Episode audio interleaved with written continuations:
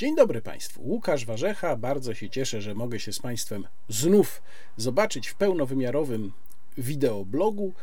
I od razu mówię, znów będzie długo, bo to zawsze tak jest, że najpierw wydaje mi się, że właściwie to prawie nie ma o czym mówić, a potem stopniowo w ciągu tych 10-14 dni, które mijają od jednego do drugiego nagrania, okazuje się, że zebrało się bardzo dużo spraw, ale wiem, że wielu z Państwa lubi tę długą formę, więc przy niej pozostaje, przynajmniej na razie tutaj zmian nie przewiduję. Natomiast nie zobaczą Państwo, tu uspokajam od razu, nie zobaczą Państwo w tym wydaniu, w tym odcinku długich wystąpień, e, czy to Donalda Tuska, czy Jarosława Kaczyńskiego, czy Mateusza Morawieckiego, tak jak to w poprzednich odcinkach się działo, gdzie analizowałem takie wystąpienia, po prostu one są na tyle powtarzalne w tym momencie, że nie ma sensu więcej ich pokazywać. Tam oczywiście w każdym się zdarzają jakieś lapsusy, czy jakieś stwierdzenia pojedyncze, które warto wyciągnąć, ale zobaczą Państwo, że jest mimo to dużo rzeczy do omówienia. Pokażę Państwu tylko fragmenty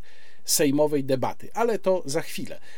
Przede wszystkim bardzo dziękuję za wszystkie wyświetlenia, za wszystkie e, kciuki w górę, za wszystkie subskrypcje. Kciuki w górę, subskrypcje, komentarze to wszystko pomaga w pozycjonowaniu filmu, dlatego za to szczególnie dziękuję. No i oczywiście bardzo szczególnie dziękuję za Wsparcie kanału. Przypominam, że można takiego wsparcia udzielić przez mechanizm YouTube, czyli ten przycisk poniżej z napisem Wesprzyj, albo przez bardzo prosty link zrzutka.pl ukośnik warzecha, to na portalu zrzutka, zresztą link w opisie filmu.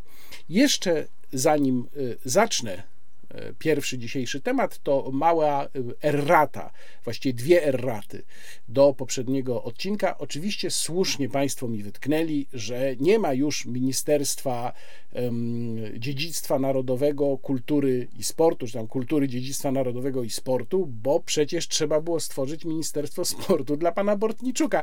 Ja bardzo przepraszam, ale to naprawdę e, w przypadku rządów PiS, to żonglowanie resortami i ich nazwami dzieje się w takim tempie, że nawet publicysta, który śledzi politykę na bieżąco, tak jak ja, może się w tym pogubić, a pan Bortniczuk jest postacią tak mało znaczącą, ale znaczącą, jeżeli chodzi o głos, oczywiście w Sejmie, dlatego musiał to ministerstwo dostać, że ja po prostu o tym zapomniałem, że jakiś tam pan Bortniczuk specjalnie dostał ministerstwo wydzielone z tego Ministerstwa Kultury i Dziedzictwa Narodowego i Sportu, tylko po to, żeby go utrzymać w orbicie wpływów PiS, więc oczywiście mieli państwo rację.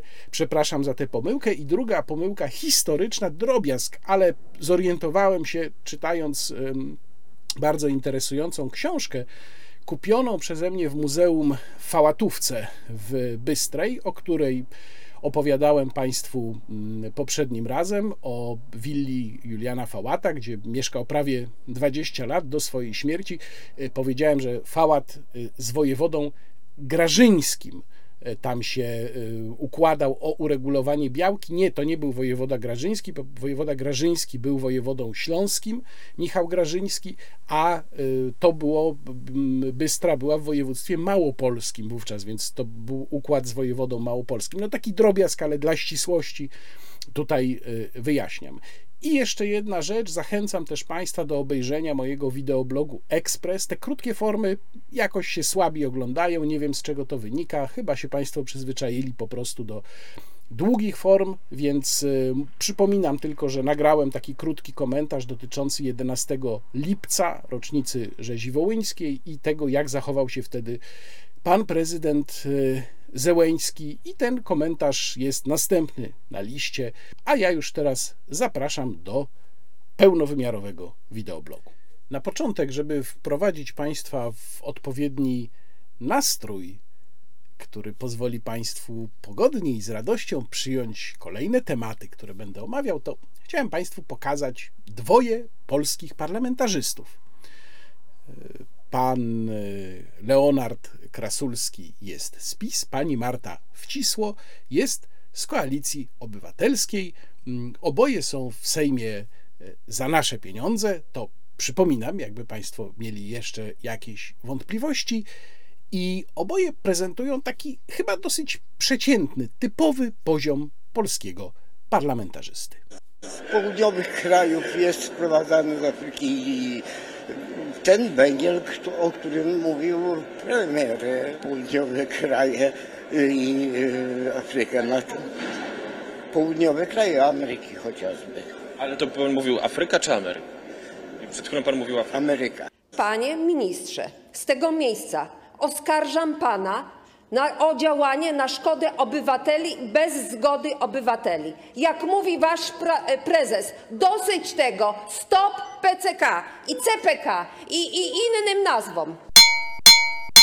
Otóż, proszę Państwa, pan Leonard Krasulski, wykształcenie średnie ogólne, bimba sobie w Sejmie za nasze pieniądze, piątą kadencję, jest wypróbowanym towarzyszem partyjnym Jarosława Kaczyńskiego. To jest prawie, proszę Państwa, 18 lat ta piąta kadencja. W 2005 roku był nawet skazany za prowadzenie pojazdu po alkoholu, ale to nie ma oczywiście żadnego znaczenia, bo jak jest wypróbowanym towarzyszem, to nadal jest bardzo potrzebny. Y, pani Marta Wcisło zadebiutowała w tej kadencji, czyli wcześniej w Sejmie nie zasiadała, no ale widać, że czuje się tam znakomicie, jak ryba w wodzie. Mm, jest y, magistrem na wydziale artystycznym taki tytuł ma, tak to jest opisane w jej biografii i patrząc na jej występ, ten, który Państwo właśnie widzieli, to by się nawet zgadzało. Więc to są, proszę Państwa, ludzie, którzy za nasze pieniądze bimbają sobie w Sejmie. Chyba to słowo bimbać tutaj jest najbardziej odpowiednie. No a tymczasem Sejm, jak poinformował dziennik Fakt, będzie pracował nad podwyżkami dla wszystkich swoich pracowników, ale także dla parlamentarzystów, bo to wynika ze wzrostu kwoty bazowej, której wzrost właśnie będzie najprawdopodobniej oznaczał podwyżki dla wszystkich posłów, pracowników Sejmu, ale także dla czołowych urzędników polskiego państwa, czy tych polityków, którzy są wybrani na najważniejsze e, stanowiska.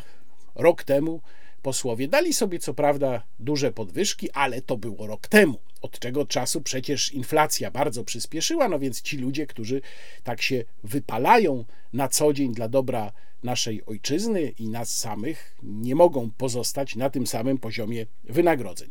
Mam nadzieję, że są Państwo zadowoleni i również, podobnie jak ja, szczerze popierają Państwo plany tej podwyżki. A teraz przejdźmy do kolejnego tematu. Trudno, żeby kolejnym tematem nie stała się sytuacja z węglem. To jest temat bardzo rozbudowany, który postaram się tutaj wyczerpująco omówić.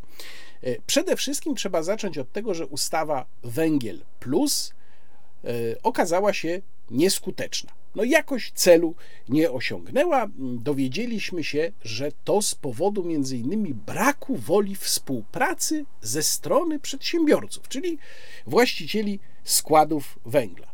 Skąd ten brak woli współpracy? Ci źli przedsiębiorcy, co ja mówię, źli prywaciarze, którzy nie chcieli sprzedawać węgla z dopłatą rządową za maksymalnie 2100 zł. Tutaj pozwolę sobie zrobić coś, czego zwykle w swoich wideoblogach nie robię, ale myślę, że tym razem to jest uzasadnione, czyli wkleję tutaj Państwu 10-minutowy fragment z mojego wideoblogu sprzed y, no chyba ponad miesiąca już, gdzie analizowałem bardzo dokładnie tę ustawę w momencie, jak ona już miała konkretny swój kształt, poszła wtedy do Senatu i tam dokładnie z tego mojego wywodu będą Państwo wiedzieli, dlaczego ci źli prywaciarze no jakoś nie wykazali się wolą współpracy. Proszę posłuchać, proszę zobaczyć. Węgiel Plus. Ja już mówiłem o tym w kilku poprzednich wideoblogach, od momentu, kiedy się pojawił w ogóle problem z węglem. Przecież mówię o tym i przypominam cały czas, że to, że problem z węglem jest, wynika z bezsensownego włączenia sankcji jednostronnych przez Polskę na rosyjski węgiel jeszcze w kwietniu, zamiast 10 sierpnia Mm, tak jak reszta Unii Europejskiej. To nas odcięło momentalnie od rosyjskiego węgla i takie są skutki. Kiedy nagrywałem e, poprzedni wideoblog, to jeszcze projektu samej ustawy nie było. Ale w tej chwili nie tylko jest już projekt, ale ustawa przeszła trzecie czytanie w Sejmie, e, no jeszcze oczywiście Senat i, i potem ewentualnie znowu Sejm i podpis pana prezydenta, ale mamy już ten tekst ustawy i muszę Państwu powiedzieć, że tak absurdalnej i też tak źle napisanej ustawy to ja naprawdę dawno nie widziałem. Ona jest po prostu źle napisana, poza tym, że zawiera pewne mm, y, absurdalne założenia. Zacznijmy może od kosztów, bo to też z ustawy wynika. Już wcześniej była mowa o 3 miliardach złotych, no to już wiemy skąd te 3 miliardy mają się pojawić. One mają się pojawić, mają być wzięte z funduszu przeciwdziałania COVID. To ma być po 1,5 miliarda na ten rok i na przyszły rok, ale uwaga, jeżeli te pieniądze się zaczną wyczerpywać, to ustawa mówi, że rekompensaty, które są w niej przewidziane będą proporcjonalnie zmniejszane. Czyli może się tak zdarzyć, że te rekompensaty z czasem zaczną się zmniejszać. Wcale nie będą wynosiły tyle, ile ustawa mm, przewiduje, a ustawa przewiduje dokładnie 1073 zł i 13 groszy rekompensaty za tonę węgla. Przykładem nieprecyzyjności zapisów tej ustawy, niejasności, jest artykuł drugi który mówi o y, rekompensacie przysługującej przedsiębiorcy. Bo pamiętają Państwo, że jest taka koncepcja, którą zaraz szerzej przedstawię, że przedsiębiorca, który będzie chciał taniej sprzedawać węgiel, to też dostanie rekompensatę. No i tu czytamy tak. Przedsiębiorcy wykonującemu działalność gospodarczą w zakresie wprowadzania do obrotu paliw który sprzedawał paliwa stałe dla gospodarstw domowych prowadzonych na terytorium Rzeczypospolitej Polskiej po cenie nie wyższej niż 996 zł 60 groszy brutto za tonę w celu wykorzystania na potrzeby własne tych gospodarstw domowych przysługuje rekompensata. Ale kiedy sprzedawał? No, przepis powinien jasno mówić, jak, w jakim okresie. Czy kiedy sprzedawał kiedykolwiek, czy sprzedawał przez cały czas, w granicach tej ceny, czy sprzedał raz w granicach tej ceny, to dalej z ustawy wynika, ale z tego drugiego artykułu nie wynika nijak. Jeżeli y, spojrzymy dalej, to również kolejna taka wątpliwość, po prostu niejasno napisany przepis, mówi o tym, y, jak y, mają działać wspólnoty lub spółdzielnie. To jest z kolei artykuł drugi, punkt trzeci, w którym, z którego nie wynika, czy spółdzielnia może dostać rekompensatę e, na 3 tony węgla na każde gospodarstwo, które wchodzi w jej skład, czy na całą spółdzielnię. To mówię, też dalej z przepisów wynika, że na gospodarstwo, przynajmniej ja to tak rozumiem, ale nie jest to w sposób jasny zapisane.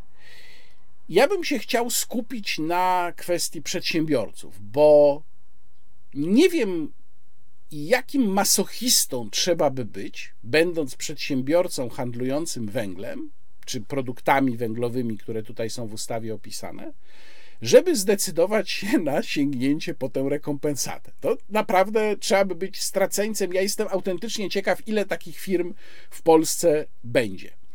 E, bo po pierwsze, ile przedsiębiorca może tej rekompensaty dostać? No, z ustawy wynika, że może dostać maksymalnie 1073 zł 13 groszy rekompensaty, a sprzedawać e, ten węgiel musi po te 996 zł 60 groszy, czyli sumarycznie ile za tonę węgla przedsiębiorca mógłby dostać biorąc te rekompensaty, to jest maksymalnie 2000, niecałe 2100 zł. No to Przecież ja już mówiłem to w poprzednim wideoblogu i całe to mamienie na temat węgla Jarosława Kaczyńskiego i, i, i premiera Morawieckiego nie uwzględnia tego, że od rekompensaty węgla nie przybędzie. Węgla nadal będzie deficyt, no bo po prostu go nie ma. I w tej sytuacji każdy przedsiębiorca, któremu się uda wejść w posiadanie węgla, no nie z chciwości nawet, tylko dlatego, że jak jest mało węgla, ja to tłumaczyłem w poprzednim wideoblogu, to trzeba wziąć większą marżę, żeby utrzymać firmę. To jest jasne. To e, przecież będzie sprzedawał ten węgiel za więcej, bo będzie deficyt węgla, więc węgiel się spokojnie sprzeda za więcej niż te niecałe 2100 zł. No więc naprawdę nie wiem, kto chciałby wchodzić w układ z tą rekompensatą, ale dalej jeszcze, jak spojrzymy, jak to wygląda i jakie tutaj są utrudnienia. Otóż tak. Przedsiębiorca, który chciałby z tej rekompensaty skorzystać, musi poinformować o tym zarządcę rozliczeń spółka akcyjna. I musi zgłosić, że on będzie brał tę rekompensatę, a następnie musi w ciągu jednego dnia, czy tam najpóźniej do następnego dnia roboczego, tak to jest tutaj opisane, najpóźniej w kolejnym dniu roboczym po dokonaniu transakcji sprzedaży, po wcześniejszej rejestracji na specjalnym portalu, będzie musiał o tej transakcji poinformować. Ale uwaga, rekompensaty nie dostanie od razu. Poinformować o transakcji musi, ale potem będą dwa okresy w tym roku i w przyszłym roku, w których ten przedsiębiorca będzie e, musiał zgłosić w tych ściśle określonych właśnie okresach. Nie może e, się opóźnić, bo wniosek nie będzie uznany będzie musiał jeszcze zgłosić wniosek o rekompensatę, załączając wiele stosownych dokumentów. Czyli mamy najpierw rejestrację w programie rekompensat, potem rejestrację na portalu, potem wpisywanie na portalu każdej transakcji, mm, która będzie podstawą do tej rekompensaty. Potem mamy wniosek o rekompensaty, znów z mnóstwem dokumentów, i wreszcie mamy dwie transze wypłat tych rekompensat i pierwsza jest do 31 grudnia tego roku, a następna do końca marca przyszłego roku.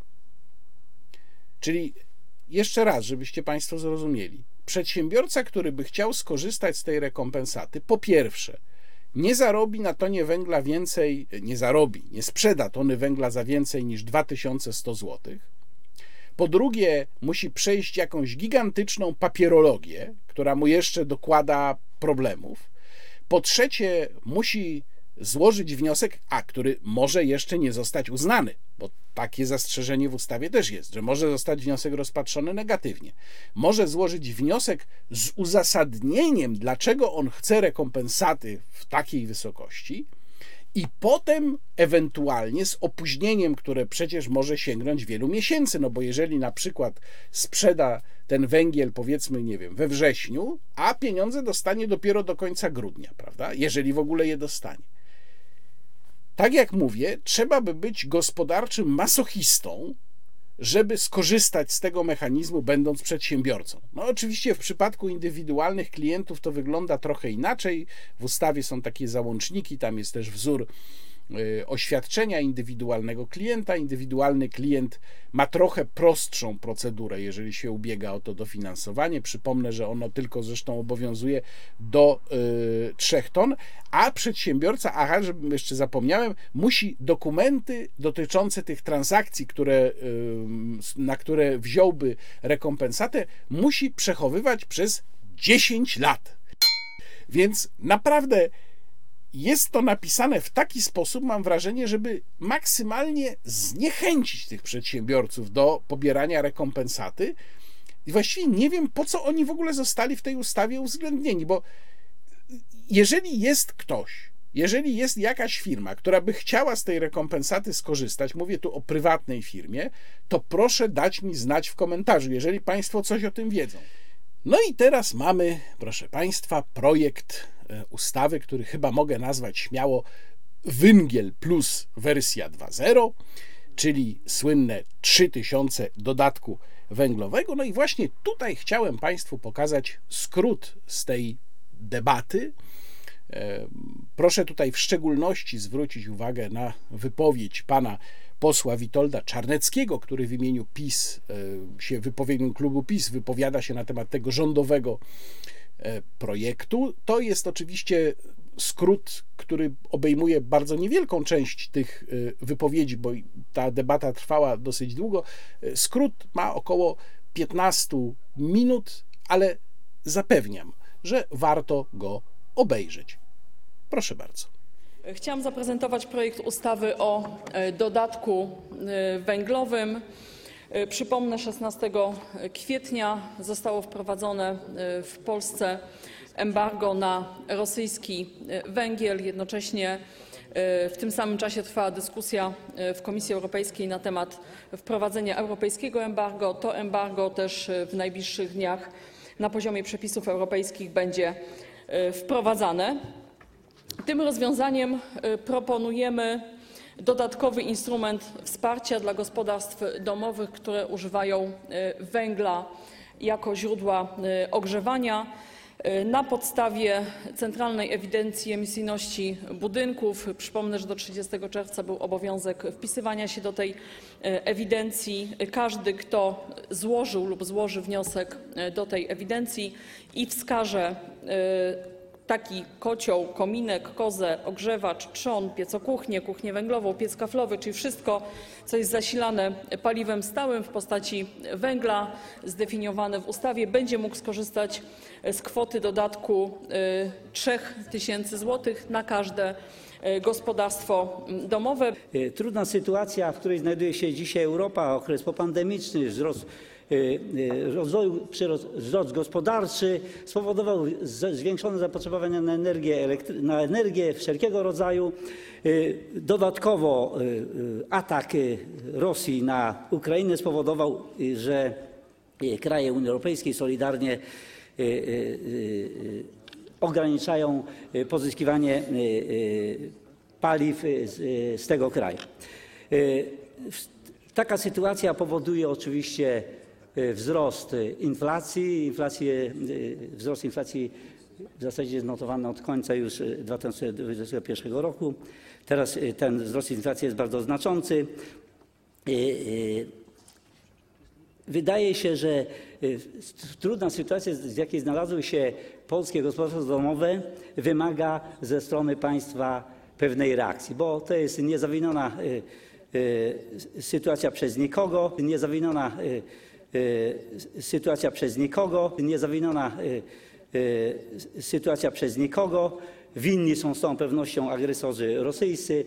To, że, że, y, że musimy y, y, nakładać na nich embargo, y, jest koniecznością, jako że chcemy w ten sposób ich y, zmusić do tego, żeby, żeby działania wojenne na Ukrainie przestali prowadzić.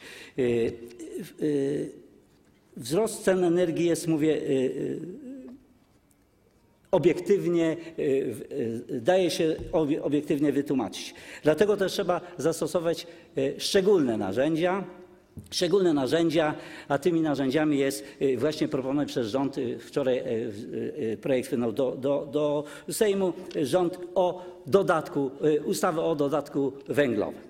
Y, Zgodnie z zaproponowanymi, przepisami y, dodatek węglowy przysługiwał będzie gospodarstwom domowym w przypadku, gdy głównym źródłem ogrzewania tego gospodarstwa jest ocioł na paliwo stałe, kominek, koza, ogrzewacz powietrza, trzon kuchenny, piecokuchnia, kuchnia węglowa lub piec kaflowy na paliwa stałe zasilane węglem kamiennym, brykietem lub peletem zawierającym co najmniej 85% węgla kamiennego. Należy podkreślić, że projektowane rozwiązanie skierowane jest do uprawnionych gospodarstw domowych, które nie skorzystały ze wcz- wcześniejszego mechanizmu wsparcia, to jest y, zakupu węgla y, po cenie 90, 996 zł 60 zł, 90, 996 zł 60 zł, 90, 996 zł 60 zł, 99 996 zł 60 groszy złoty brutto za tonę. Klub Parlamentarny y, y, Prawo i Sprawiedliwość y, popiera proponowany przez rząd projekt ustawy Mam przyjemność przedstawić stanowisko klubu Koalicja Obywatelska do omawianego projektu ustawy. Ale zanim przejdę do ustawy, to chciałem jedno wyjaśnić. Dziś przy rozpoczęciu Sejmu pan minister Sasin wyraźnie mówił o likwidacji kopalń, że to Platforma, za czasów Platformy. Chciałem przedstawić dokument z czerwca, sierpnia 2021 roku, kiedy omawialiśmy ustawę o funkcjonowaniu górnictwa węgla kamiennego oraz niektórych innych ustaw. Kiedyśmy przystępowali do kolejnej likwidacji kopalń, to ministerstwo, pan premier nawet nie wie, że Ministerstwo Aktywów w ocenie skutków regulacji, cytuję, użyło takich sformułowań. Spółka Restrukturyzacji Kopalń w latach, w latach 2015-18 przejęła łącznie 17 kopalń do likwidacji. Zlikwidowano w 2018 3, w 2019 3, w 2020 nie udało się, w 2021 zostanie zakończona likwidacja kolejnych trzech kopalń. Pozostaną do zlikwidowania w 2022 cztery kopalnie, w 2023 cztery kopalnie. Ten sposób zostanie zakończony proces likwidacji kopalń przyjętych do SRK w latach 2015-18. Klub y, Koalicja Obywatelska nie pozwoli na dzielenie Polaków. Złożymy poprawki do, tego, do tej ustawy. Będziemy chcieli dopłaty do ciepła systemowego dla Polaków, którzy też są biedni i nie mają na to pieniędzy. Uruchomimy również system dopłat do innych źródeł energii, nie tylko węgla, ale oleju opałowego, peletu. To wszystko powinno być zrekompensowane Polakiem w ramach bonu energetycznego. No i niestety dochodzi do wielkiego oszustwa. Pierwsza ta ustawa o cenie y, regulowanej czy cenie maksymalnej, już zwracaliśmy uwagę na to i mówiliśmy o tym, wy przekonywaliście, że ten system zadziała, ale mówiliśmy, że to po prostu nie zadziała, no bo jeżeli dzisiaj węgiel na wolnym rynku jest po 3000, to nikt nie będzie sprzedawał nawet z dopłatą po 2100 zł, no bo to jest po prostu nielogiczne bo to jest oszustwo ewidentne, bo przecież w tamtej ustawie była mowa o 3 tonach węgla i cenie gwarantowanej, a w tej ustawie jest tylko mowa o 3000 zł. I żeby była jasność, za 3000 zł w piecu nie napalimy. Dzisiaj mamy w miesiącu maju największe wydobycie od 3 czy 4 lat 5,5 miliona ton i wszystko jest sprzedawane na pniu. W związku z czym wydajemy, y, wydobywamy i sprzedajemy ten węgiel. Pytanie, gdzie go sprzedajemy i komu go sprzedajemy. To są analizy, które powinniście przeprowadzać.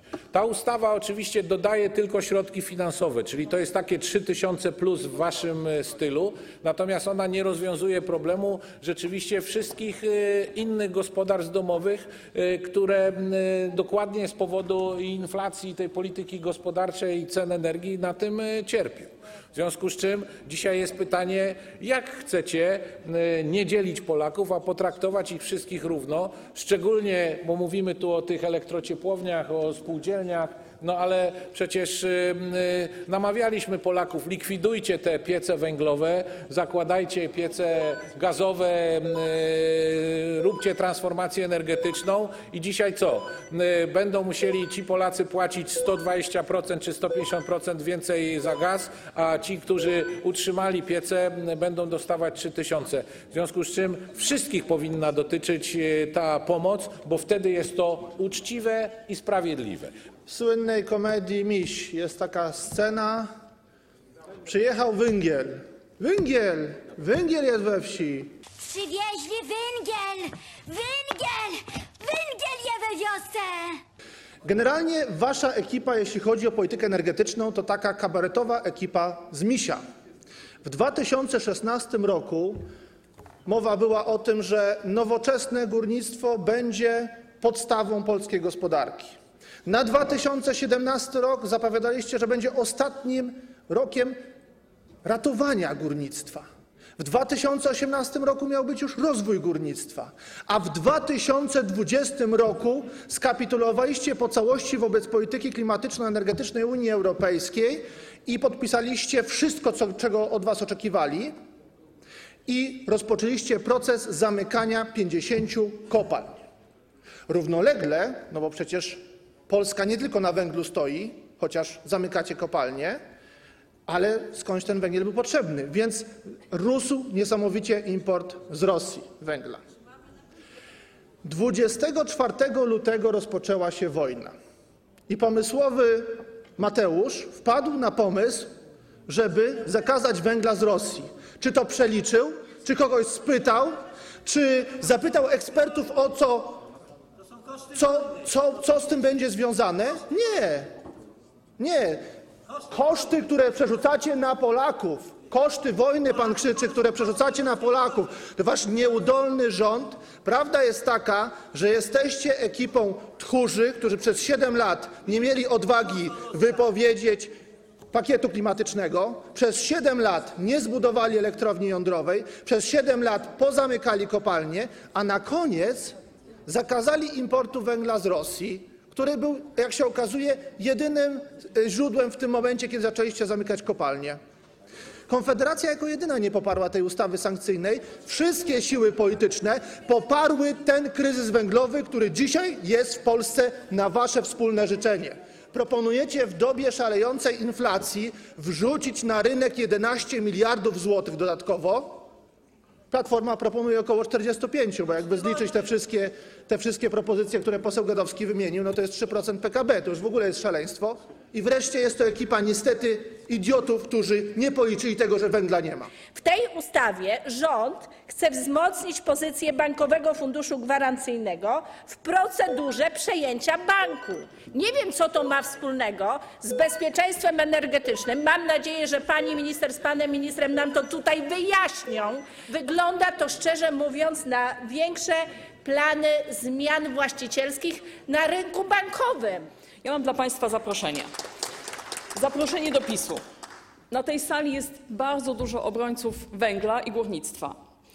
Wszyscy obrońcy węgla i górnictwa znajdą miejsce w naszej partii. Zapraszamy. Przecież zwracałem się z prośbą o umożliwienie wystąpienia. węgla i górnictwa. Cieszymy się, że Przepraszam, Państwo pani doszli do minister, tych samych chwileczkę. wniosków. Pani minister, momencie. Bardzo serdecznie Proszę po chwileczkę poczekać. poradzę sobie. Konsekwentnie od lat bronimy węgla i górników. Proszę też nie kłamać, że nie ma żadnego wsparcia w gazie czy tych w innych źródłach. Przypomnę, że mamy taryfę. Dzisiaj w komisji kilka minut temu dyskutowaliśmy i przyjęliśmy przedłużenie taryfy na gaz do roku 2027. Przypomnę tarcza antyinflacyjna, obniżenie podatków na gaz, energię, ciepło i dodatek osłonowy, który nadal funkcjonuje. Wnioski jeszcze do października tego roku można składać, w tym podwyższona stawka dodatku osłonowego dla węgla. Konsekwentnie bronimy polskich odbiorców, tych, którzy używają ciągle węgla. Dodatek osłonowy dzisiaj dodatek węglowy. Jeżeli chodzi o węgiel, do kwietnia wpłynęło z Rosji 2,7 węgla. Jeżeli chodzi o węgiel z importu, tak, węgiel płynie i będzie płynął. Do 19 lipca, czyli do wczoraj, łącznie przez polskie porty przepłynęło ponad 3 miliony ton węgla i tu mówię zarówno o podmiotach Skarbu Państwa, które głównie importują, w tym PGE Paliwa i Węglokoks, ale też i o podmiotach prywatnych. Na wczoraj zakontraktowane było ponad 7 milionów ton. Podejrzewam, że dzisiaj jest to jeszcze większa ilość węgla. I oczywiście jest to zarówno węgiel energetyczny, który częściowo y, trafia do energetyki zawodowej, jak i y, w konsekwencji węgiel przesiewany do polskich odbiorców w różnych procentach, to jest 10, 20, 30, 40% w zależności od fraktu i rodzaju węgla. To jest też węgiel do polskich y, ciepłowni, między innymi PGE Paliwa kieruje szeroką ofertę do polskich ciepłowni zapewnienia węgla. Co nie oznacza, że jest to koniec kontraktowania. Każdego dnia zawierane są nowe kontrakty, nowe frachty, nowe przepustowości w portach. Oczywiście jest to wyzwanie logistyczne. Nigdy tyle węgla nie płynęło przez polskie porty i nie było rozwożone koleją. Koordynujemy to w zespole międzyresortowym, planując dokładnie wszystkie operacje i zapewniając coraz większe przepustowości polskich portów, ale patrząc, że te 3 miliony ton już wpłynęło i kolejne tony płyną, ta operacja jest wykonywana efektywnie i z coraz y, większą, z coraz większą szybkością. Jeżeli chodzi o kierunki, głównie jest to Kolumbia i Indonezja, mówię tu o Skarbie Państwa, natomiast pojawiają się przede wszystkim przez sektor prywatny pojedyncze y, statki z kierunków między innymi takich jak Australia i Stany Zjednoczone. W Skarbie Państwa głównie jest to ten węgiel energetyczny z Kolumbii i z Indonezji, odsiewany też potem do polskich przedsiębiorstw. Czyli tak, najpierw mamy, jak powiedziałem, pana posła Witolda Czarneckiego, to jest taki kolejny wypróbowany partajgenose Jarosława Kaczyńskiego. Ja nie wiem, czy pan poseł w ogóle wie, o czym mówi. Patrząc na jego wystąpienie, miałem takie wrażenie, że chyba nie za bardzo. On sprawiał takie wrażenie, jakby ktoś mu to napisał, a on w ogóle pierwszy raz słyszy o tym projekcie, nie wie w ogóle o co chodzi, co to jest ten jakiś tam palet, pelet, czy jak to się nazywa, ile miała wynosić ta maksymalna cena z poprzedniej ustawy, w ogóle nie wiadomo. Y, I nie żartując już teraz, myślę, że wystawianie tego typu posłów, jak pan Czarnecki, po to, żeby zaprezentowali projekt, który w tym momencie ma dosyć fundamentalne znaczenie dla dużej grupy ludzi, po pierwsze, ale także dla polskiej gospodarki, o czym za chwilę będę mówił. Wystawianie mm, starszego pana, żeby się już tutaj nie wyrazić bardziej dosadnie, mm, jako osobę, która prezentuje taki projekt, pana, który w ogóle nie wie o czym mówi, nie wie co czyta, nie ma pojęcia o tym projekcie, no ja to jednak odbieram jako obraźliwe po prostu wobec wyborców. No to jest przykład skrajnej arogancji, ale to jest też dowód na to, jak niepotrzebnie duży jest skład Sejmu. Tacy panowie e, czarneccy, czy tacy panowie krasulscy, czy takie panie wcisło, po prostu tam w ogóle nie powinny zasiadać. Oni nie są tam potrzebni. Oni kompletnie nic nie wnoszą. To są maszynki do wygłaszania tego typu oświadczeń albo do naciskania guzików. Natomiast tam w tej wypowiedzi niezbornej pana posła Czarneckiego jest jeden ciekawy moment, bo pan poseł wspomina, że inflacja to rosła już w 2021 roku. No ale jak to? No przecież cały czas jest taka teza, że inflacja jest spowodowana wyłącznie przez Putina. Chociaż może już nie wyłącznie, tu nawet Jarosław Kaczyński trochę koryguje swoje stwierdzenia, to o tym jeszcze dalej będzie mm, mowa. Oczywiście musimy pamiętać, że inflacja powyżej celu inflacyjnego, który wynosi około 2,5%, była już w 2019 roku, więc tutaj też pan Czarnecki się mija trochę z prawdą. Jak y, słuchali Państwo wypowiedzi przedstawicieli opozycji poza wypowiedzią przedstawiciela Konfederacji, czyli pana posła Winnickiego, no to zorientowali się państwo, że oni co prawda wszyscy wychodzą i no po pierwsze stali się wielkimi obrońcami węgla nagle, to jest pierwsza sprawa, to zresztą akurat pani minister Moskwa w swojej podsumowującej wypowiedzi trafnie e, wychwyciła, ale po drugie, oni wszyscy mówią, że to jest bezsensowne pakowanie 11,5 miliarda złotych do gospodarki, że przecież inflacja jest taka wysoka, ale że trzeba objąć programem pomocowym wszystkich, bo nie może być tak, że będą objęci tylko ci, którzy mają te piece na paliwo stałe wpisane do ewidencji ogrzewania. Nawiasem mówiąc, zwrócono mi uwagę, że stwierdzenie zawarte w ustawie o pelecie, który zawiera minimalnie 85% węgla kamiennego, to jest bardzo ciekawa koncepcja. To wszystkim Państwu, którzy mają piece na pelet, to polecam. Naprawdę proszę znaleźć ten pelet z 85% zawartością węgla kamiennego. E, ciekawe jest też to, że tam w jednym miejscu poseł, przedstawiciel lewicy, Y, y, rozumie lepiej reguły ekonomii niż pisowcy, bo wyjaśnia całkiem trafnie, dlaczego nie chcieli sprzedawać węgla z tą dopłatą czy rekompensatą, jak to ustawa ujmowała, przedsiębiorcy.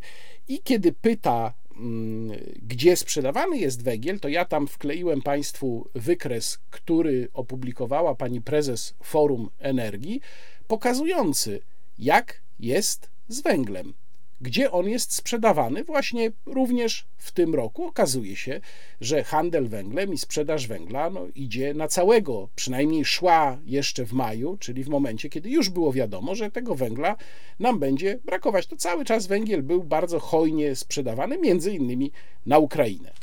Kolejna ciekawostka to jest to, co wyłowiła pani poseł e, Henning Kloska z e, Polski 2050 mówiąc o y, zmianach w ustawie o Bankowym Funduszu Gwarancyjnym. Czyli to jest ta druga część y, ustawy o dodatku węglowym, przez którą rzeczywiście wiele osób tak przemknęło, bo na ogół ten, te, ta, ta końcówka ustaw, gdzie jest napisane, jakie zmiany są w innych ustawach dokonywane, no to jest tak pomijana, to jest dosyć trudno przeanalizować.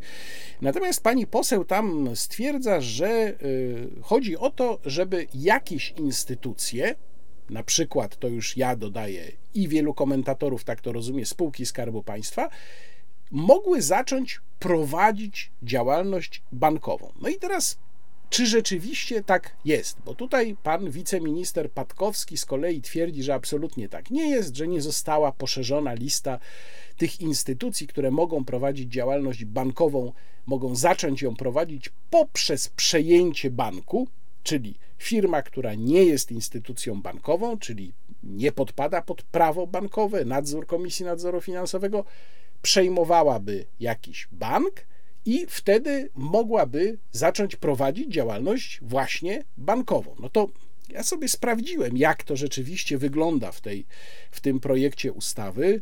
E, jak zwykle staram się być ścisły i pokazuję Państwu, jak to dokładnie jest i jak to wygląda w obecnej ustawie. Otóż, jak spojrzymy do ustawy o Bankowym Funduszu Gwarancyjnym, tak jak ona wygląda w tej chwili, no to mamy artykuł 174, ustęp 3, który mówi jedynie tak.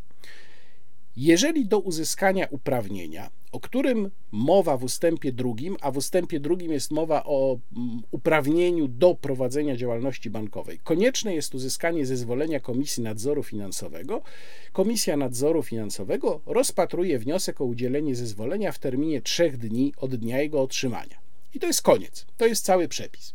Natomiast co wprowadzałaby ustawa e, o dodatku węglowym, co jest w ogóle trochę dziwne, bo właściwie dlaczego ustawa o dodatku węglowym w ogóle zajmuje się bankowym funduszem gwarancyjnym?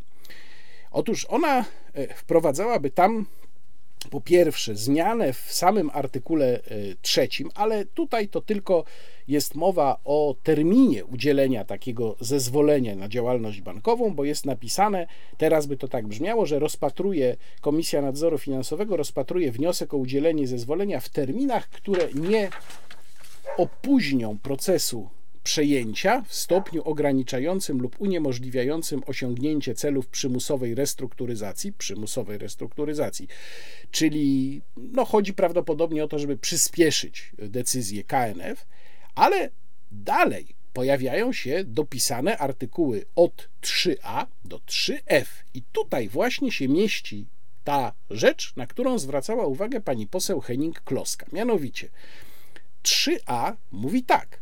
W przypadku, gdy jest to konieczne do osiągnięcia celów przymusowej restrukturyzacji, zezwolenie Komisji Nadzoru Finansowego, o którym mowa w ustępie trzecim, może dotyczyć prowadzenia przez podmiot przejmujący działalności jako bank. I to jest kluczowy fragment tej ustawy, właśnie jeżeli chodzi o tę tak zwaną wrzutkę bankową. Ja od razu mówię, nie jestem fachowcem oczywiście od prawa bankowego, bo jak Państwo wiedzą, w ogóle nie jestem prawnikiem. Patrzę na to tylko jako osoba, która chyba w miarę dobrze umie analizować przepisy. I teraz y, wygląda to w ten sposób, że w starej ustawie y, chyba, ale to jest moje tylko przypuszczenie, y, nie była wyszczególniona taka możliwość, żeby instytucja, która nie prowadzi działalności jako bank, mogła ją prowadzić na podstawie decyzji KNF. Nie było to też wykluczone. Natomiast tutaj w tych przepisach wydaje się, że specjalnie jest tego typu przypadek podkreślony.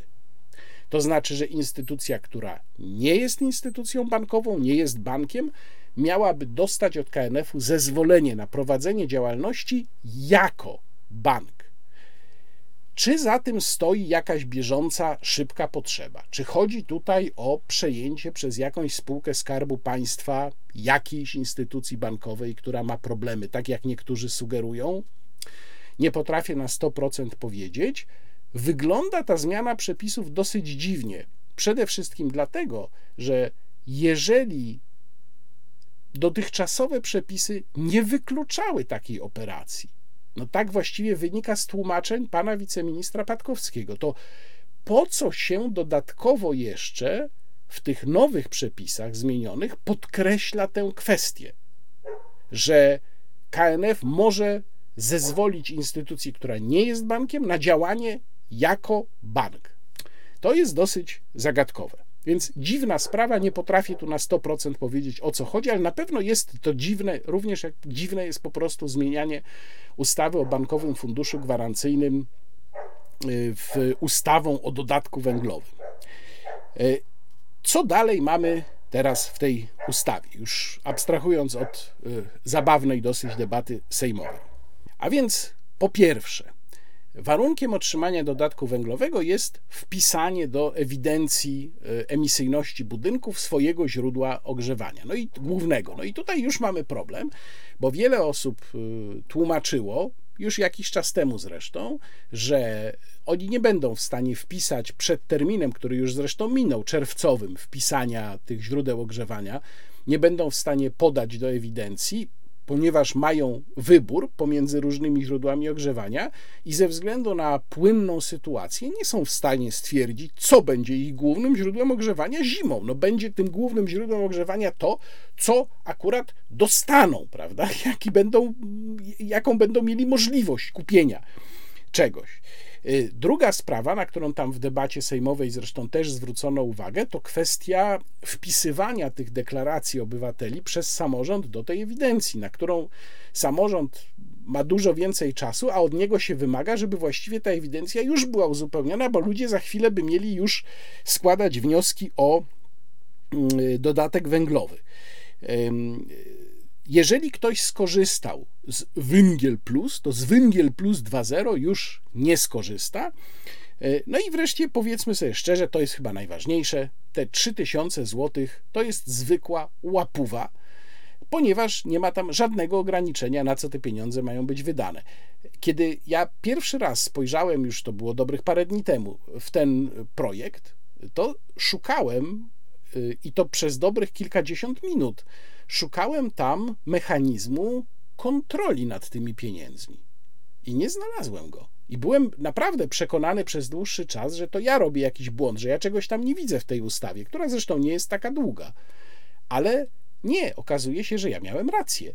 Tam naprawdę nie ma mechanizmu kontroli. Czyli ktoś, kto y, zgłosił piec na paliwo stałe, to tam spełniające, y, spełniający warunki określone w ustawie, zgłosił do ewidencji, weźmie te 3000 zł i wydaje sobie, jak będzie chciał, to na wódkę na przykład.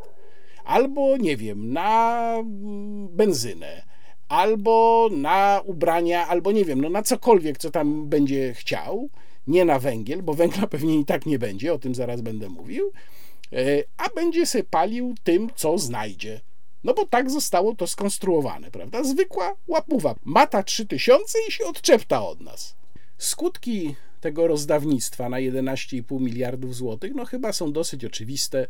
Czyli po pierwsze będzie to znowu duży, naprawdę duży impuls inflacyjny, bo 11,5 miliarda no to jednak nie są małe pieniądze. Oczywiście jest to dużo mniej niż ponad 200 miliardów, które zostały wpakowane w gospodarkę E, w postaci tarcz antykowidowych, e, które z kolei były rzecz jasna skutkiem zamykania mm, po prostu gospodarki w czasie pandemii, ale jednak jest to impuls proinflacyjny, niemały.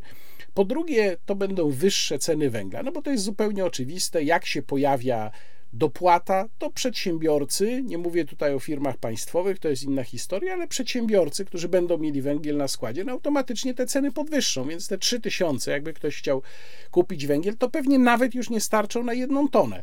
A wiem, że przeciętnie mm, ludzie mi sygnalizują do ogrzania na sezon domu potrzeba tak od 3 do 5 mniej więcej ton węgla. Y, o tym, jaka dokładnie jest sytuacja z węglem, a także w ogóle z surowcami energetycznymi w Polsce, będę w najbliższą środę w programie Polska na serio rozmawiał z Piotrem Maciążkiem, jednym moim zdaniem z najlepszych ekspertów od energetyki w Polsce. Tam Państwo dostaną bardzo szczegółową analizę tego, co się dzieje, jak sytuacja wygląda, ale mm, tutaj postaram się to jeszcze podsumować. Otóż Wiedzieliśmy w momencie, kiedy było wprowadzane embargo na e, węgiel od 15 kwietnia, że e, będzie brakowało około 11 milionów ton w sezonie grzewczym. E, z tych 11 milionów ton pewnie jakąś część się uda uzupełnić, ale to nie będzie całość. Tego jestem w zasadzie pewien, czyli nadal będzie nam brakować pewnie 4-5 milionów ton. Co ciekawe, pojawiają się już pytania o węgiel nie tylko dla odbiorców indywidualnych, bo początkowo można było myśleć, że problemy będą mieli właśnie tylko odbiorcy indywidualni, bo to oni byli zasilani, 60% węgla importowanego z Rosji szło dla odbiorców indywidualnych. Ale okazuje się, że pojawiają się też niepokojące informacje z elektrowni węglowych, że tam praca jest ograniczana. Jest ograniczana właśnie ze względu na brak węgla. No i takie zresztą były korzenie tego, że 4 lipca Polska stanęła na skraju blackoutu i uratował nas tylko transfer energii z tych złych, wrażych Niemiec, które nam wtedy pomogły zastrzykiem prądu.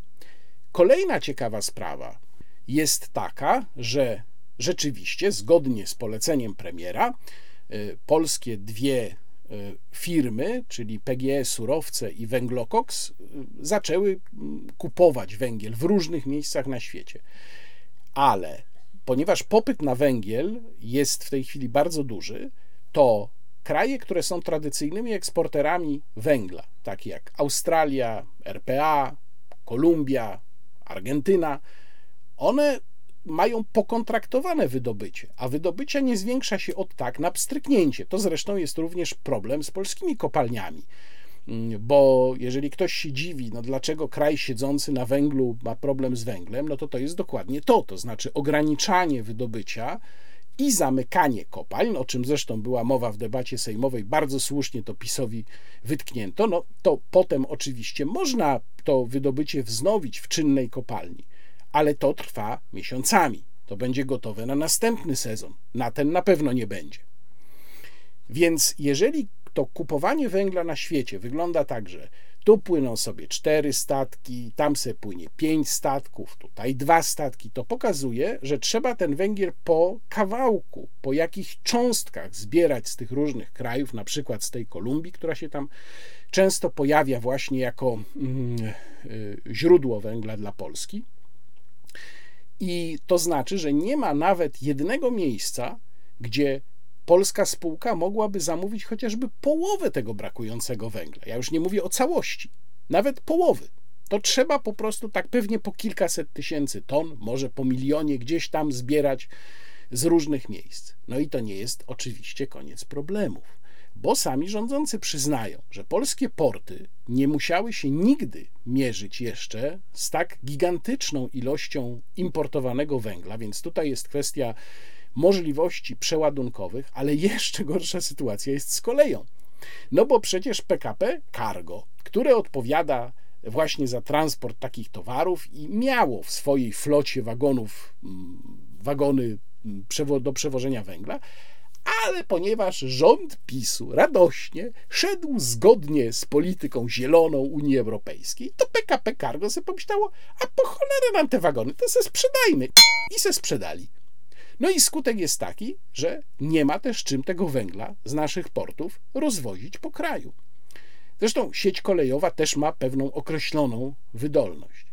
To wszystko razem, niestety, jak się podsumuje, sprowadza się do takiego przewidywania, że po pierwsze nie będziemy mieli wystarczająco dużo węgla. Po drugie, ten węgiel, który do kraju przypłynie tak czy owak, nie zostanie na czas najprawdopodobniej rozwieziony. Czyli jednak skończy się to deficytami, skończy się to mm, bardzo wysokimi cenami, no bo to jest normalny mechanizm ekonomiczny. Nie ma węgla, no to jak tylko on się pojawia, y, u prywatnych y, przedsiębiorców będzie się pojawiał, to będzie po dużo wyższej cenie, a państwowi z kolei, y, państwowe firmy wydobywające węgiel, przede wszystkim Polska Grupa Górnicza, no będą go jednak wydobywać głównie na rzecz dużych elektrowni i elektrociepłowni, bo one będą miały priorytet. W swoim wystąpieniu, chyba to fragment, którego, y, który w skrócie się nie znalazł, pani minister Moskwa y, była uprzejma powiedzieć, że tam, a ona nie zwraca uwagi na informacje o netu, bo to jest mało wiarygodne źródło. No, tak się składa, że informacje o tym, że pani minister Moskwa E, kierowała pisma do pana premiera Morawieckiego w sprawie braku węgla jeszcze w lutym, na samym dokładnie początku wojny, czyli że pan premier wszystko to doskonale wiedział, to e, opiera się, te informacje opierają się na dokumentach, do których dotarł Andrzej Gajcy z Onetu, no i nie ma żadnych wątpliwości, że ta informacja o stanie polskich rezerw węgla, o problemach, które mogą nas czekać w związku z embargiem, E, dotarła do pana premiera. pan premier tę wiedzę miał. Dlatego napisałem tekst, w którym wyraźnie stwierdziłem, że premier po prostu, podejmując decyzję o embargu, działał na niekorzyść polskich obywateli. Ale z jakim triumfem to embargo było ogłaszane. Myślę, że warto sobie ten moment, chyba jeśli dobrze pamiętam, z początku kwietnia przypomnieć. Proszę zobaczyć. Dzisiaj przedstawiamy najbardziej radykalny w Europie plan odejścia od rosyjskich węglowodorów. To narzędzie szantażu przekształciło się także w narzędzie wojny.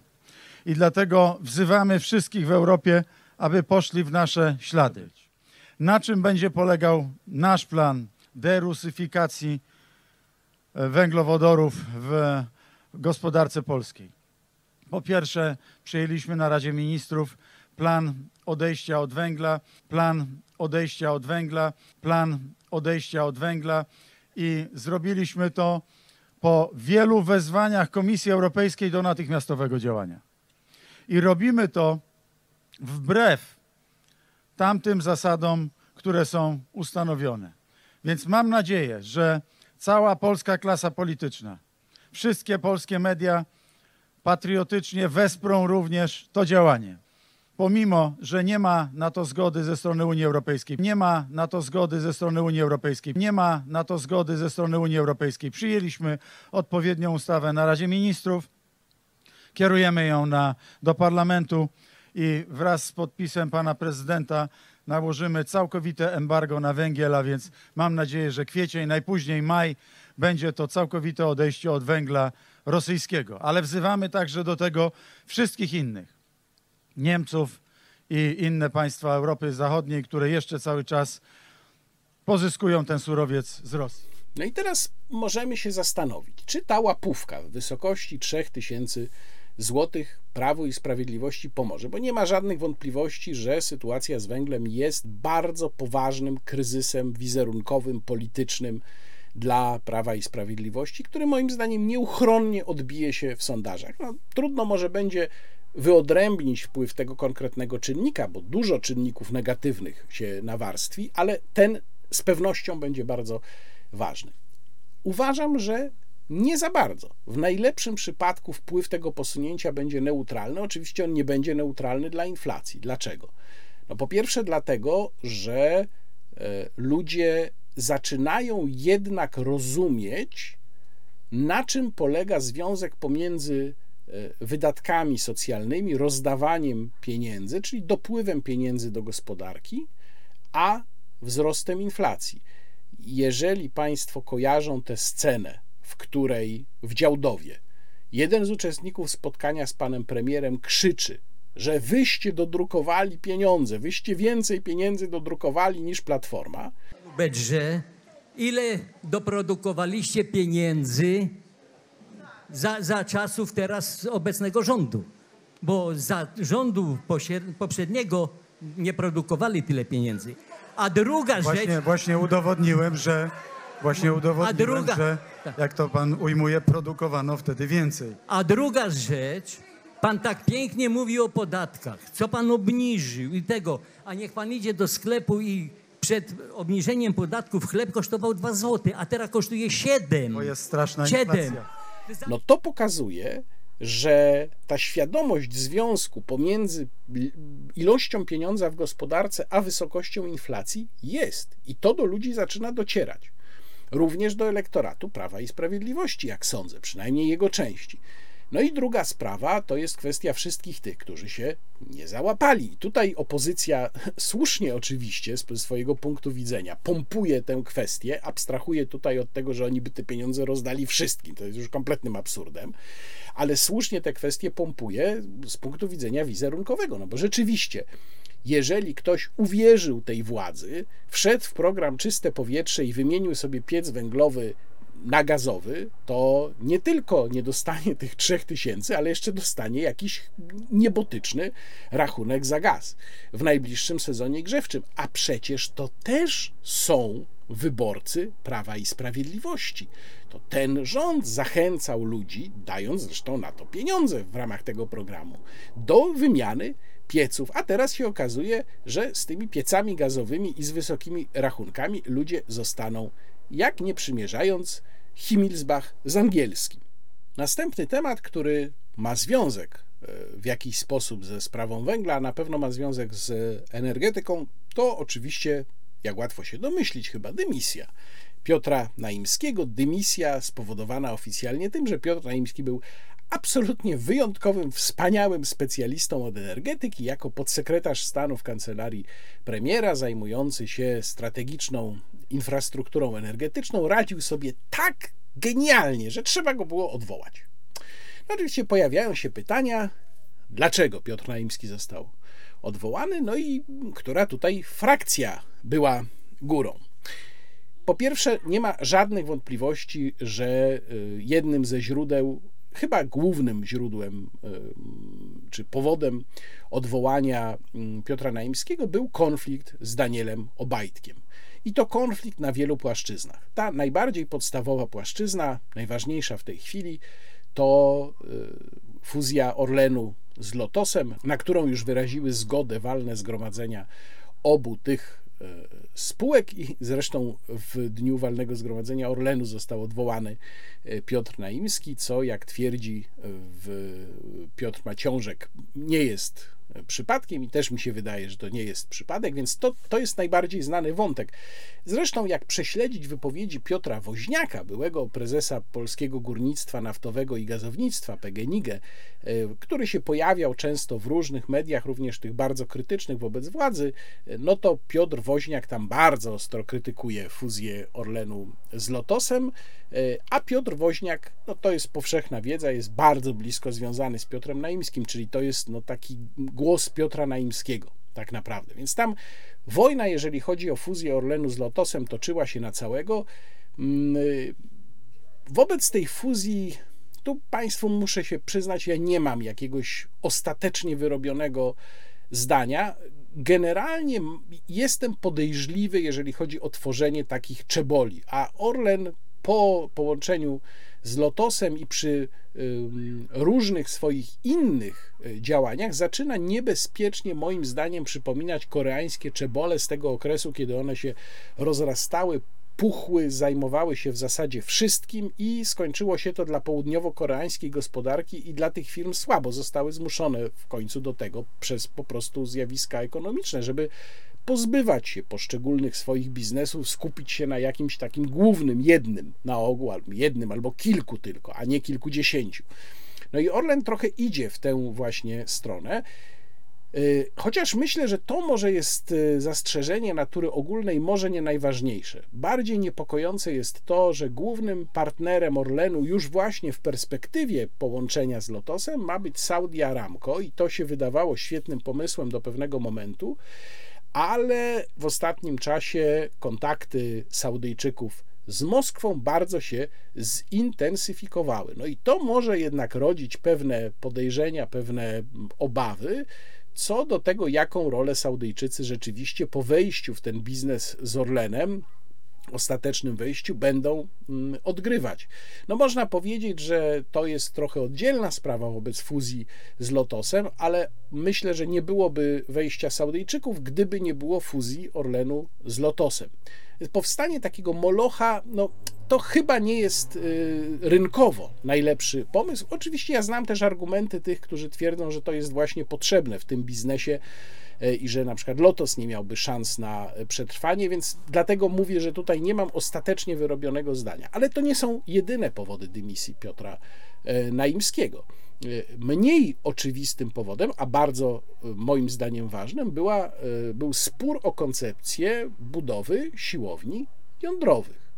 Bo przecież Orlen nagle okazało się, nagle mówię, no chyba półtora roku temu mniej więcej wcześniej o tym nie było mowy, okazało się, że Orlen jest bardzo y, zainteresowany tworzeniem y, czy budowaniem reaktorów SMR, czyli Small Modular Reactor. Zamiast, zamiast, oczywiście nikt tego nie mówi, że to jest zamiast, ale tak to wygląda naprawdę, zamiast dużych bloków jądrowych. Budowę tych dużych bloków jądrowych kiedyś Przypomnę, termin oddania pierwszego takiego bloku e, w Polsce miał wypadać nawet przed 2030 rokiem. Potem to przesunięto z oczywistych powodów, bo nic się nie, nie zaczęło za Platformy Obywatelskiej. Przesunięto to na 2030 rok. Teraz się mówi o 2032 roku, ale to tylko pod warunkiem, że budowa by się zaczęła już teraz. Dlatego, że budowa jednego bloku jądrowego jest liczona mniej więcej na 10 lat, ale na ogół są jeszcze opóźnienia. Więc nawet te 10 lat wydaje się bardzo optymistycznym terminem. A tymczasem ten, ta sprawa, która jak powiedziałem była pod kontrolą Piotra Naimskiego, nawet się jeszcze nie zaczęła. W ciągu siedmiu lat sprawowania władzy Prawo i Sprawiedliwość zdołało jedynie wyznaczyć preferowaną lokalizację ale preferowana lokalizacja tam na północy, okolice Choczewa, gminy Krokowa, jeżeli dobrze pamiętam, no to nie jest jeszcze lokalizacja ostateczna. No i tutaj Piotr Naimski wyraźnie się skłaniał, żeby wybrać bezprzetargowo technologię amerykańską, co do której były zastrzeżenia, jako do technologii przestarzałej, Nowocześniejsze technologie mają do dyspozycji kontroferenci, to jest Korea Południowa i to jest Francja. Piotr Woźniak e, był nastawiony skrajnie proamerykańsko, no człowiek wywodzący się ze środowiska Antoniego Macierewicza, więc można było tak sobie to wyobrażać. Problem jest tego rodzaju, że gdybyśmy spróbowali to w ten sposób zrobić, to wtedy narażamy się na to, że takiemu bezprzetargowemu mm, rozwiązaniu przeciwstawi się Komisja Europejska. I tu będziemy mieli problemy. I to by mogło nas cofnąć, jeżeli chodzi o planowanie budowy. No ale fakty są takie, że rzeczywiście Piotr Naimski tej budowy nie zdołał rozpocząć do tej pory, a jednak było to w jego gestii. Konkurencyjna e, koncepcja to są właśnie reaktory, małe reaktory SMR. Konkurencyjna koncepcja promowana przez Orlen. Tylko tutaj też mamy kłopot, ponieważ takie reaktory na razie są jeszcze w fazie przygotowywania. One nigdzie na świecie nie działają. Ja znalazłem informację w takim ciekawym raporcie mm, z zeszłego roku e, Polskiego Instytutu Spraw Międzynarodowych, do którego link załączam Państwu w opisie filmu, że dopiero w 2027 roku miał być uruchomiony pierwszy taki reaktor w Jakucji w Rosji. E, w Stanach Zjednoczonych certyfikowano już pierwszy taki model czy system takiego reaktora, ale certyfikowano, to nie znaczy, że wybudowano. I e, dopiero około roku 2030 reaktory SMR miałyby zacząć wchodzić do praktycznego użytku. E, a zacząć wchodzić to nie znaczy, że taki reaktor mógłby być gotowy w 2030 roku. Czyli w obu przypadkach i duża elektrownia jądrowa i małe reaktory, no y, jesteśmy bardzo, bardzo niestety opóźnieni, co oczywiście będzie nas stawiało w coraz gorszej sytuacji, jeżeli chodzi o wytwarzanie energii. I to był y, zarzut wobec Piotra Naimskiego. I jeszcze jeden zarzut to było to, że nie była wystarczająco rozwijana mm, sieć energetyczna, a przede wszystkim chodzi tutaj o Połączenie z sąsiadami, y, no właśnie połączenie, które się przydaje w momencie choćby groźby takiego blackoutu, jaką mieliśmy 4 lipca, a ma to przecież tym większe znaczenie, że jeżeli właśnie tej elektrowni jądrowej nie będziemy mieli na czas, znaczy na czas, no to na czas to na pewno jej nie będziemy mieli, bo najlepiej jakby ona już była, a zapotrzebowanie na energię będzie rosło, no to tym bardziej potrzebne nam będą połączenia z resztą europejskiej sieci elektroenergetycznej. No i tutaj był zarzut wobec Piotra Naimskiego, że on tego nie dopilnował. Jeżeli chodzi o układ sił w obozie władzy, to odwołania Naimskiego z całą pewnością chciał Daniel Obajtek. To tutaj nie ma najmniejszych wątpliwości. Daniel Obajtek, który jest konkurentem dla Mateusza Morawieckiego. Oczywiście pamiętamy tę aferę, która spowodowała, że e, Daniel Obajtek, który wydawało się, że już miał bardzo ochotę zostać premierem, musiał te swoje apetyty trochę poskromić. No, no ale przecież on tam gdzieś w orbicie mm, kandydatów na ewentualnego następcę Mateusza Morawieckiego wciąż się znajduje. Jarosław Kaczyński opowiadał o nim niestworzone rzeczy, które potem okazywały się zresztą nieprawdą, jeżeli chodzi o rządy Daniela Obajtka w samym Pcimiu. Więc y, nie mam żadnych wątpliwości, że jeżeli odwołania Piotra Naimskiego chciał Daniel Obajtek, no to Mateusz Morawiecki tego raczej nie chciał. Ale to też pokazuje, że odwołanie Naimskiego jest jednym z ciosów wymierzonych w Mateusza Morawieckiego. I to prowadzi mnie do kolejnego tematu, czyli tematu Mateusza Morawieckiego właśnie. Mateusz Morawiecki, proszę Państwa, jest wszędzie, jak Państwo pewnie zauważyli. Teleportuje się po kraju w różne miejsca i gdzie by się nie teleportował, to tam powiada coraz większe dyrdymały. Ktoś zasugerował mm, na Twitterze, że być może jest to wpływ teleportacji na ludzki umysł, że ona po prostu jakoś tak, nie wiem, niszczy połączenia neuronowe, że jak ktoś się dużo teleportuje, tak jak nasz pan premier, to y, gada coraz większe głupoty.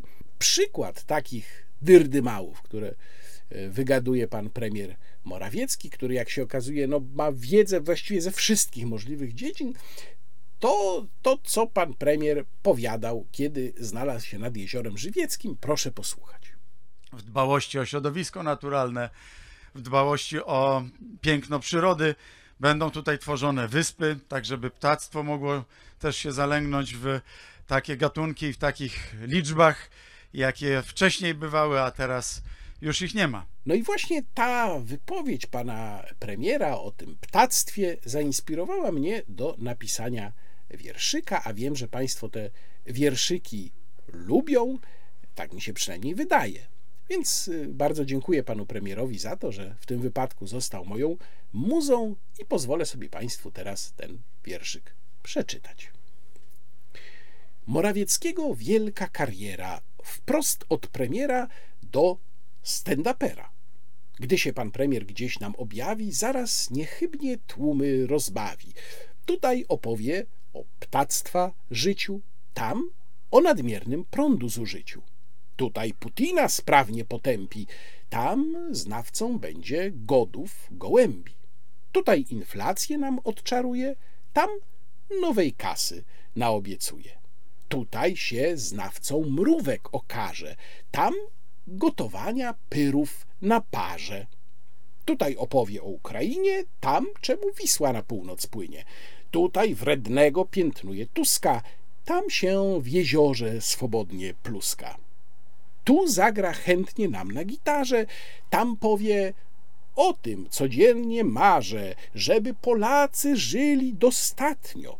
Trudno, co prawda, jest nam ostatnio, ale z osobą moją przy sterze, sam prawie w to, co tu mówię, wierzę, się nie lękajcie, drodzy rodacy, gdyż wam dobrobyt podam na tacy. Tylko głosujcie na PiS wspaniały, by opozycji z wściekłości gały wypadły na wierzch i nie wróciły. Ten wygłosiwszy wywód zawiły, wraca pan premier do swego biura i do dworczyka powiada: Hura!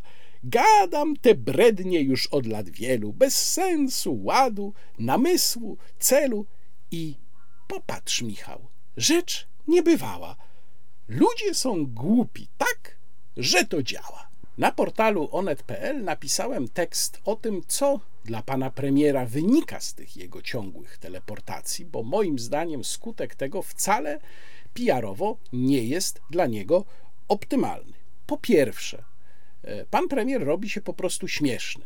No, te jego e, pobyty w różnych dziwnych miejscach i takie wywody jak ten o o ptactwie nad Jeziorem Żywieckim y, są po prostu komiczne. No to jest i żenujące, i komiczne zarazem. To wcale nie ociepla jego wizerunku, tylko raczej właśnie no, pan premier coraz bardziej wygląda jak klaun. Jest też pytanie o sens faktycznego prowadzenia kampanii w tym momencie, bo to już jest kampania wyborcza. Tylko, że my mamy do wyborów ponad rok. I spalanie się w tej chwili w takim tempie, jak to robi Mateusz Morawiecki, to jest również spalanie się wizerunkowe, ale to jest także wypalanie się działaczy, którzy gdzieś tam na miejscu uczestniczą również w organizowaniu tych pobytów i przecież oni też mają pewien określony zasób energii. W ogóle partia jako taka ma określony zasób energii. Y, taka intensywność działań kampanijnych, no bo tak to trzeba nazwać, jaką my w tej chwili obserwujemy, na tyle czasu przed wyborami ja sobie czegoś takiego jeszcze nie przypominam. Nie wiem, być może stoi za tym jakaś kalkulacja głęboka, ale moim zdaniem jest to bardzo ryzykowne. Natomiast sądzę, że tutaj chodzi też o to, że pan premier po prostu ratuje własną skórę, o czym za chwilę opowiem mm, więcej. No i przede wszystkim, to jest moim zdaniem bardzo ważne. Ryzyko dla Mateusza Morawieckiego polega na tym, że jeżeli on jeździ po całym kraju, spotyka się z tymi swoimi wielbicielami, ale nie tylko, bo wiemy już, że też spotyka się czasem z dużą niechęcią, to automatycznie on się staje twarzą wszystkiego, co się dzieje. On się staje główną twarzą nie tylko rządu, bo rządu to jest oczywiste, ale w ogóle całej polityki prawa i sprawiedliwości. Więc automatycznie cała niechęć za to wszystko, co się złego dzieje, będzie też kierowana na niego. Czyli on staje się, krótko mówiąc, za sprawą własnych zabiegów PR-owych coraz większym obciążeniem dla samego prawa i sprawiedliwości. Mateusz Morawiecki ma na swoim koncie przynajmniej trzy bardzo poważne porażki. Po pierwsze, to jest e, Polski Ład, kompletna klapa, e, o której pewnie rządzący chcieliby najbardziej zapomnieć. E, która miała przecież pociągnąć PiS do kolejnych wyborów, a okazała się właśnie totalną wtopą. Po drugie, sprawa KPO. No, o KPO już mówiłem tutaj wielokrotnie, więc nie będę się powtarzał. E, wielki niby sukces ogłoszony, który cały czas e, się odbija czkawką, pieniędzy nadal nie ma, nie wiadomo co z tymi kamieniami milowymi. Mówiłem o tym wiele razy, więc już nie będę wchodził w szczegóły. No i teraz wreszcie sprawa węgla, którą też szczegółowo omówiłem. Ale przecież to nie są jedyne wtopy Mateusza Morawieckiego. Wcześniej było tego znacznie więcej. Gdyby tak zacząć naprawdę rzetelnie prześwietlać to, co Mateusz Morawiecki prezentował, no, sięgając jeszcze do czasów, kiedy był wicepremierem, plan odpowiedzialnego czy program odpowiedzialnego rozwoju, ogłaszany e, na kongresie w Rzeszowie z wielką pompą. Polska będzie tutaj pełno klastrów przedsiębiorczości. I co? I nic. Przypominam, już o tym mówiłem wiele razy, że raport NIK nie zostawił na tym programie, na jego realizacji, nie na samym programie, nie zostawił suchej nitki. Y, kolejna taka wtopa, no mniejsza oczywiście w skali niż Polski Ład, czy, czy nawet program odpowiedzialnego rozwoju, ale Izera, prawda, z której się teraz niemiecki partner wycofuje, 3 miliardy złotych na fabrykę, kompletnie bezsensowny projekt, z którego połowa Polski się śmieje, y, który prawdopodobnie w ogóle nie dojdzie do skutku, kasa wydana, ludzie zatrudnieni, samochód elektryczny, będziemy produkować samochód elektryczny. To jest też projekt, który firmuje Mateusz Morawiecki i jego, jego wielkimi zwolennikami były osoby z jego środowiska. To też jest jego wtopa. I oczywiście można by tak dużo dłużej pokazywać różne takie momenty. Nawiasem mówiąc, Izera jest o tyle charakterystyczna. Ona może nie jest bardzo ważna i te, no, oczywiście 3 miliardy to też nie są żadne pieniądze, to może w skali budżetu nie są jakieś gigantyczne sumy, natomiast to też nie jest byle co tutaj się pokazuje, do jakiego stopnia Mateusz Morawiecki jest takim magikiem hochsztaplerem, prawda? Który coś tam pokazuje, wyciąga coś z kapelusza, mówi: O, proszę, samochodzik elektryczny, a potem się okazuje, że a nie, bo to tylko takie złudzenie, fata morgana, prawda? Nic, nic nie było. No, zapomnijcie o tym, to tylko takie przedstawienie. Y, to jest dokładnie tak, jak Mateusz Morawiecki prowadzi całą swoją politykę i widzą to również ludzie z wewnątrz PiS. No przecież stąd ta wewnętrzna opozycja, która moim zdaniem nabiera siły. I w ten sposób płynnie przechodzimy do kolejnego tematu ściśle powiązanego z poprzednim, czyli z sytuacją Mateusza Morawieckiego. E, to jest krótki wywiad Jarosława Kaczyńskiego dla Polska Times, no oczywiście zrobiony już na takich zasadach, jak się robi teraz wywiady w, w rządowej gazecie, wiadomo, więc tutaj już też nie spodziewajmy się jakichś szczególnie kłopotliwych czy dociekliwych pytań. Natomiast w tym wywiadzie Jarosław Kaczyński pytany był właśnie o kwestię Mateusza Morawieckiego. Y, pytany był również o kwestie gospodarcze, do tego przejdę za chwilę, ale najpierw spójrzmy na to, co odpowiedział Jarosław Kaczyński, właśnie pytany o pana premiera i jego sytuację. Pada pytanie o y, ludzi, którzy chcieliby odwołania Mateusza Morawieckiego, podobno o grupę spiskowców, jak to określa pani przeprowadzająca wywiad. Czy pan coś wie o istnieniu takiej grupy? Potwierdza pan, że taka grupa działa i jej głównym celem jest odwołanie premiera Mateusza Morawieckiego? No, przepraszam, ale pytanie jest sformułowane po prostu tak kretyńsko, że naprawdę widać, jaka to ekipa robi te, te rozmowy, ale to już inna sprawa. Sytuacja wygląda tak, odpowiada naczelnik, że gdyby taka grupa miała takie cele, to musiałaby mieć na celu jeszcze jedno odwołanie. To znaczy, to znaczy mnie. Z tego względu, że do tej pory było tak, że jednak bez mojej zgody premiera by się nie dało odwołać. Krótko mówiąc, takiej zgody nie ma. To są wymysły. Czyje? pada pytanie. Nie chcę w to w tej chwili wchodzić. W każdym razie są to na pewno ludzie złej woli. I dalej. Czyli pana słowa mogę odczytać tak, że do wyborów Mateusz Morawiecki zostaje na stanowisku szefa rządu. Tak, oczywiście. Mateusz Morawiecki zostaje na stanowisku premiera. A jeżeli Prawo i Sprawiedliwość wygra następne wybory i będzie rządzić? Jeżeli wygramy, to sądzę, że rzadko się zdarza, że ktoś zwycięskiego, żeby ktoś zwycięskiego premiera zmieniał. Zwracam Państwa uwagę, że ten fragment można interpretować na dwa sposoby. Tę wypowiedź Jarosława Kaczyńskiego. Jedna interpretacja i, zdaje się, że większość tak to odebrała. Jest taka, że no, Jarosław Kaczyński dał tam psztyczka Saty, Sasinowi i kolegom, pokazał tam, pogroził palcem, no, no, no, Morawiecki wciąż ma moje poparcie. E, czyli, że krótko mówiąc, wzmocniło to pozycję Mateusza Morawieckiego. Można się z tym do jakiegoś stopnia zgodzić. No rzeczywiście tak wprost wypowiedziane słowa samego naczelnika wzmacniają jakoś tam pozycję Mateusza Morawieckiego, ale z drugiej strony można też spojrzeć na to pod innym kątem i powiedzieć tak: jeżeli Mateusz Morawiecki potrzebuje aż tego, żeby dla uchronienia swojej pozycji wyszedł naczelnik i powiedział: Nie odwołujemy Mateusza Morawieckiego, to znaczy, że faktycznie jego pozycja jest słaba.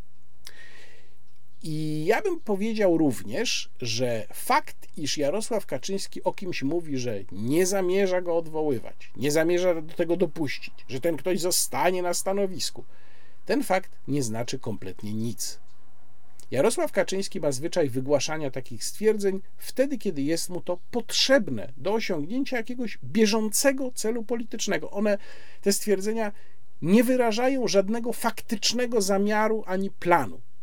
To znaczy, jeżeli jest tak, że nastąpiło wahnięcie, a można to wnioskować z różnych kwestii, wahnięcie w tym układzie władzy, które przechyliło szale na korzyść przeciwników Mateusza Morawieckiego, to Jarosław Kaczyński to odnotował, stwierdził: O, nie, trzeba wrócić do pewnej równowagi. Powiem w gazecie, że nie odwołuje Mateusza. Cyk i mamy znowu wyrównanie. I tylko, tylko i wyłącznie o to tu chodzi.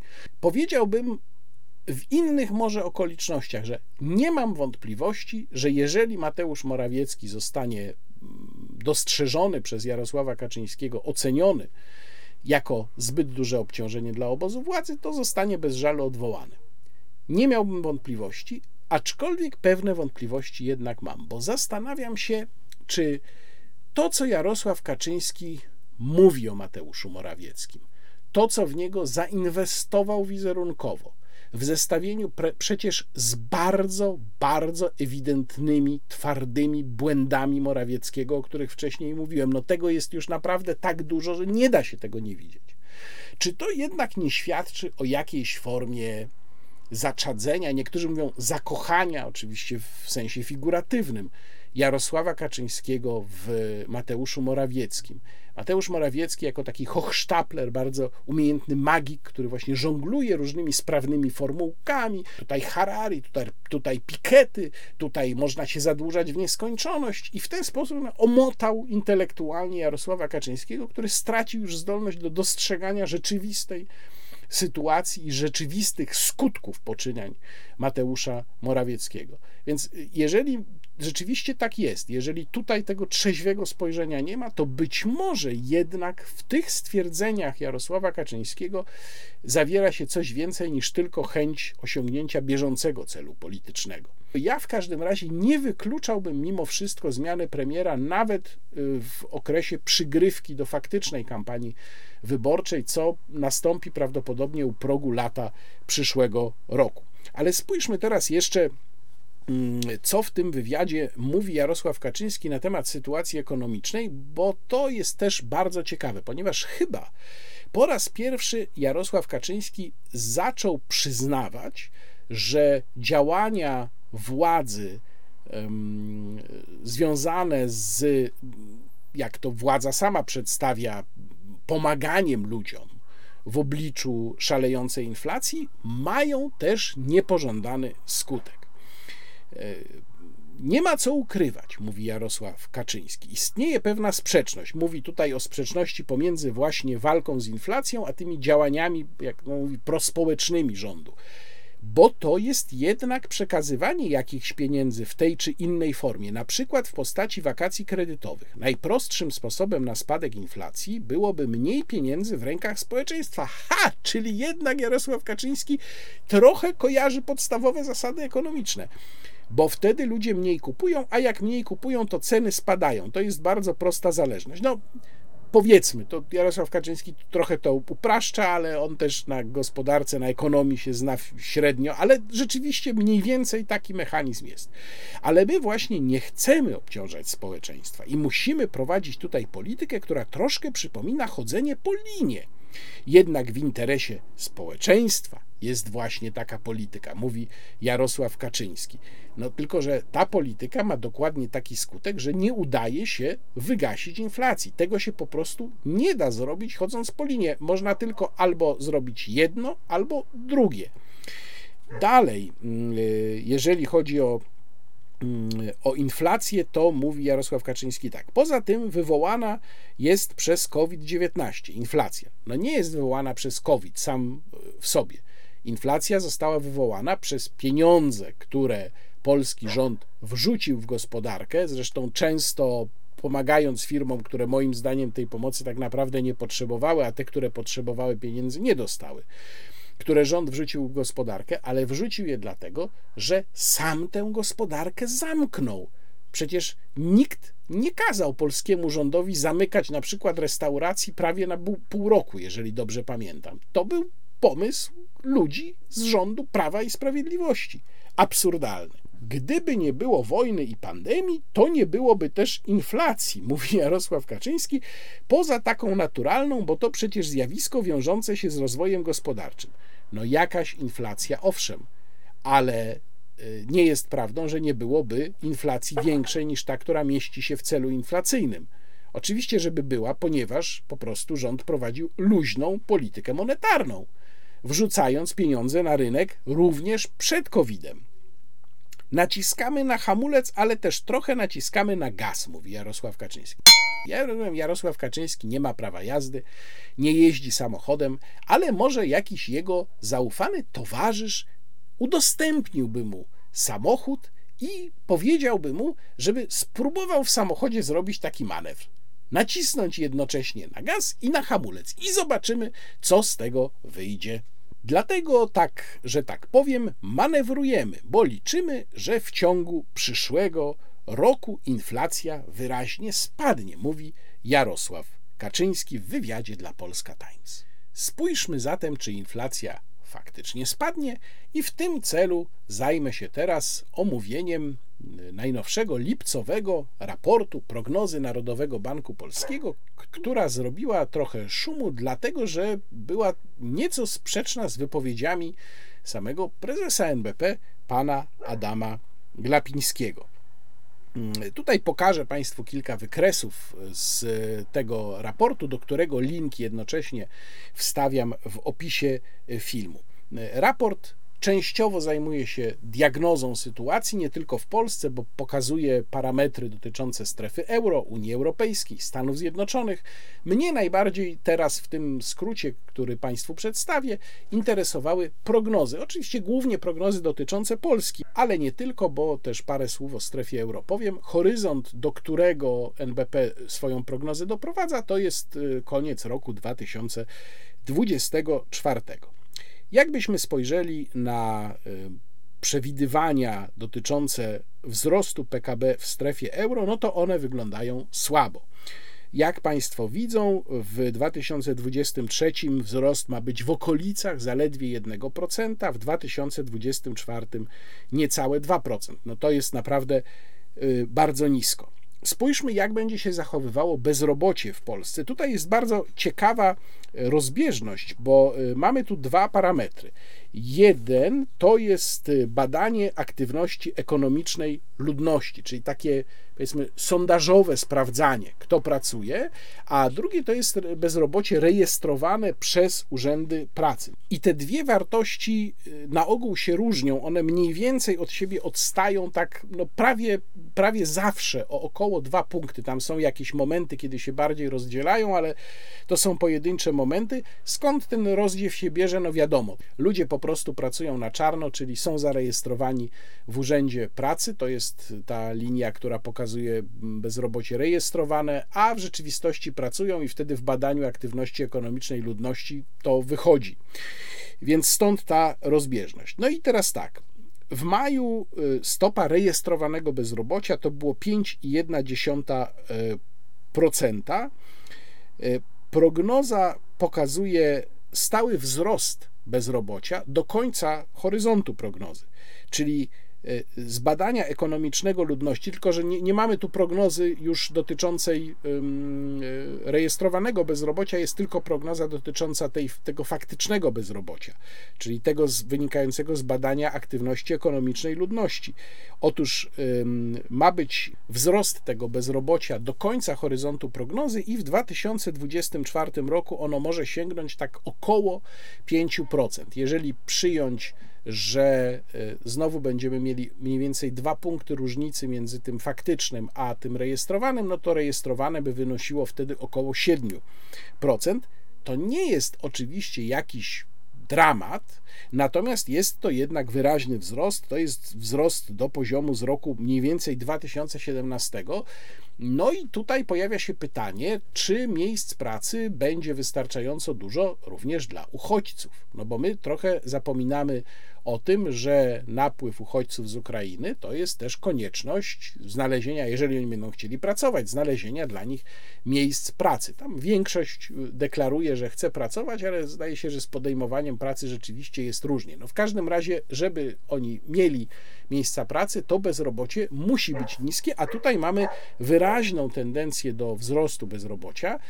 Jak to dalej będzie wyglądało poza horyzontem tej prognozy, nie wiem. Na wykresie nie wygląda to specjalnie optymistycznie. Teraz y, kolejna sprawa, czyli wynagrodzenia. I tutaj również mamy y, bardzo interesujący y, wykres. Mianowicie okazuje się, że tempo wzrostu wynagrodzeń nominalnych, czyli w liczbach bezwzględnych, od 2023 roku ma bardzo wyraźnie spadać. I y, w tej chwili, jeżeli ono sięga y, w tym mniej więcej momencie 8-10%, ma jeszcze wzrosnąć trochę do początku 2023 roku, to tempo do około 12%, a potem ma spadać. No i tutaj jest pytanie, co to tak naprawdę oznacza względem inflacji, bo mm, oczywiście wynagrodzenia wzrastają również wraz z inflacją, ale jej nie doganiają. I teraz pytanie, czy ta prognoza spadku tempa wzrostu wynagrodzeń wynika z tego, jakie przyjmuje parametry dla inflacji Narodowy Bank Polski, który przewiduje, że ona będzie spadać dosyć wyraźnie do 2024 roku. O tym za chwilę jeszcze powiem. No w każdym razie musimy być przygotowani na to, że to tempo wzrostu wynagrodzeń będzie stopniowo coraz mniejsze i one oczywiście nie doganiają inflacji i nigdy jej y, nie dogonią. Bardzo ciekawie wygląda wykres prognozy dla oszczędności dobrowolnych gospodarstw domowych. bo ten wykres pokazuje, że już zaczęło się przejadanie tych oszczędności, ponieważ on już się mieści w tym momencie poniżej zera. Tam jest taki momencik, kiedy jeszcze zahacza o zero w przyszłym roku, a potem już jest bardzo wyraźnie poniżej zera i proszę zauważyć, że jeszcze w dodatku e, spożycie gospodarstw domowych też bardzo zjeżdża. Czyli to oznacza, że ludzie, mówiąc ludzkim, zwykłym językiem, po prostu wyprztykują się z oszczędności, żeby w ogóle się utrzymać na powierzchni. Ja też przypomnę, że poziom oszczędności w Polsce w ogóle jest e, e, bardzo niski.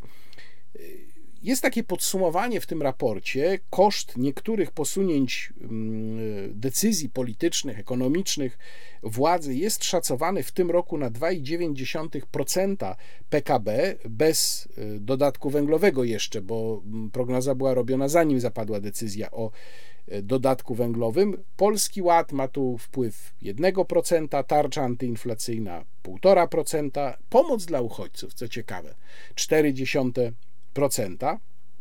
No i teraz przyjrzyjmy się inflacji i prognozie wzrostu gospodarczego, czyli temu, co chyba najbardziej nas interesuje. Otóż NBP zakłada, i to jest w tym raporcie napisane, że inflacja miałaby zacząć spadać w wyniku y, spowolnienia wzrostu gospodarczego no to nie jest optymistyczne stwierdzenie i to powiedziałbym podwójnie nie jest optymistyczne, bo oznacza to, że inflacja miałaby zacząć spadać. Tak się rzeczywiście w ekonomii, w gospodarce często dzieje, jak zacznie spowalniać gospodarka, ale takie założenie oznacza, że e, analitycy NBP nie uwzględniają wariantu stagflacji, o którym mówi wielu innych ekonomistów, bo co oznacza stagflacja? To jest właśnie najgorsze połączenie, czyli z jednej strony mamy stagnację gospodarczą, radykalny spadek wzrostu, tempa wzrostu gospodarczego, a z drugiej wcale to nie wygasza inflacji. Czyli jednocześnie mamy dwa bardzo negatywne czynniki dla gospodarki. I wcale nie jest powiedziane, że tak się to u nas nie skończy. Jeżeli chodzi o poziom inflacji y, konsumenckiej, jaki, czyli CPI, jaki przewidują mm, analitycy Narodowego Banku Polskiego, to na koniec horyzontu miałaby ona wynieść około 3,5%. Mówimy tutaj o inflacji w ujęciu miesięcznym, to jest wciąż powyżej oczywiście celu inflacyjnego, a szczyt, i to jest, przypominam, prognoza średnia, przypadałby dopiero na początek przyszłego roku i sięgałby około 19%. 19%. A przypominam, że y, inflacja jest różna, ma różny poziom dla różnych osób w zależności od tego, jaki koszyk dóbr kupują. Czyli jeżeli ten koszyk dóbr jest y, na przykład głównie oparty na mm, żywności, mało jest w nim innego rodzaju artykułów, jakichś bardziej luksusowych na przykład, to wtedy poziom inflacji dla takiej osoby jest zdecydowanie wyższy.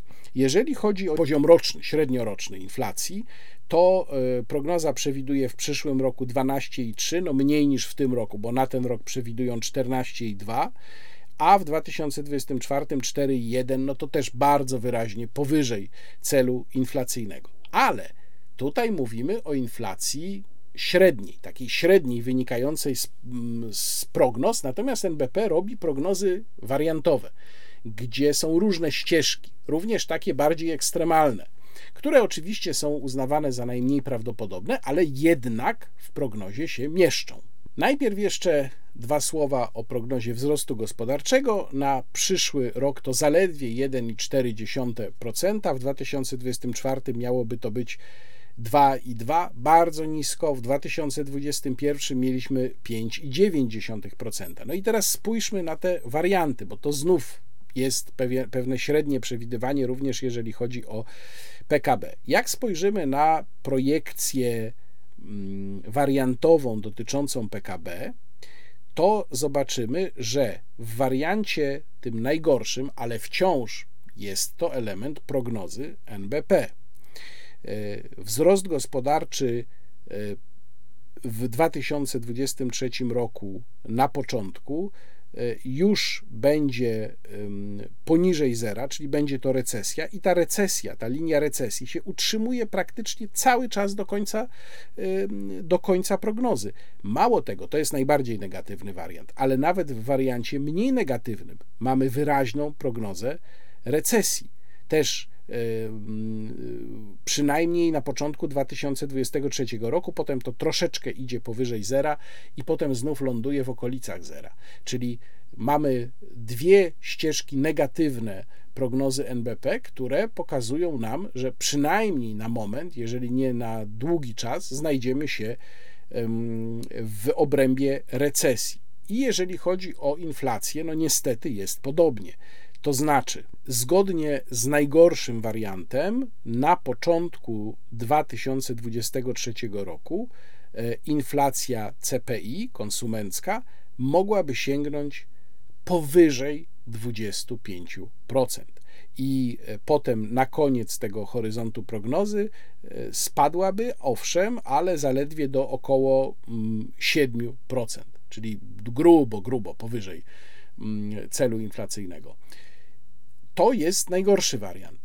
Ale patrząc na to, jaka jest kumulacja negatywnych czynników, zresztą sami analitycy NBP piszą, że bardzo dużo jest zależne od tego, jak się będzie rozwijała sytuacja międzynarodowa, co się będzie działo e, na Ukrainie, jak będzie wyglądał konflikt rosyjsko-ukraiński. No, niestety musimy się liczyć z tym, że polska gospodarka naprawdę zacznie szorować po dnie, a takie mm, działania jak y, 3000 łapówki węglowej od władzy na pewno tutaj nie pomagają. Ale mogą sobie Państwo zadać pytanie, w takim razie, może największa partia opozycyjna ma jakieś genialne pomysły, co zrobić. Poza tym, oczywiście, żeby dodatek węglowy wypłacić absolutnie wszystkim. Tak, proszę Państwa, ma takie pomysły. Donald Tusk podzielił się jednym z takich pomysłów w Szczecinie podczas takiego meetupu e, dla młodych ludzi. Proszę posłuchać. Y, to nie jest odpowiedź na dziś, na w tej chwili.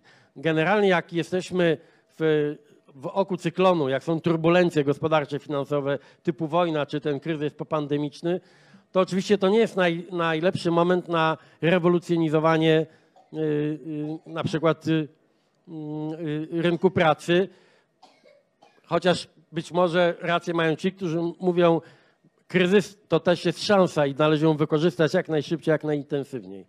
Uważam, że w Polsce powinniśmy, i to będzie, y, to będzie moja propozycja, jeśli wygramy wybory, y, przepraszam, kiedy wygramy wybory,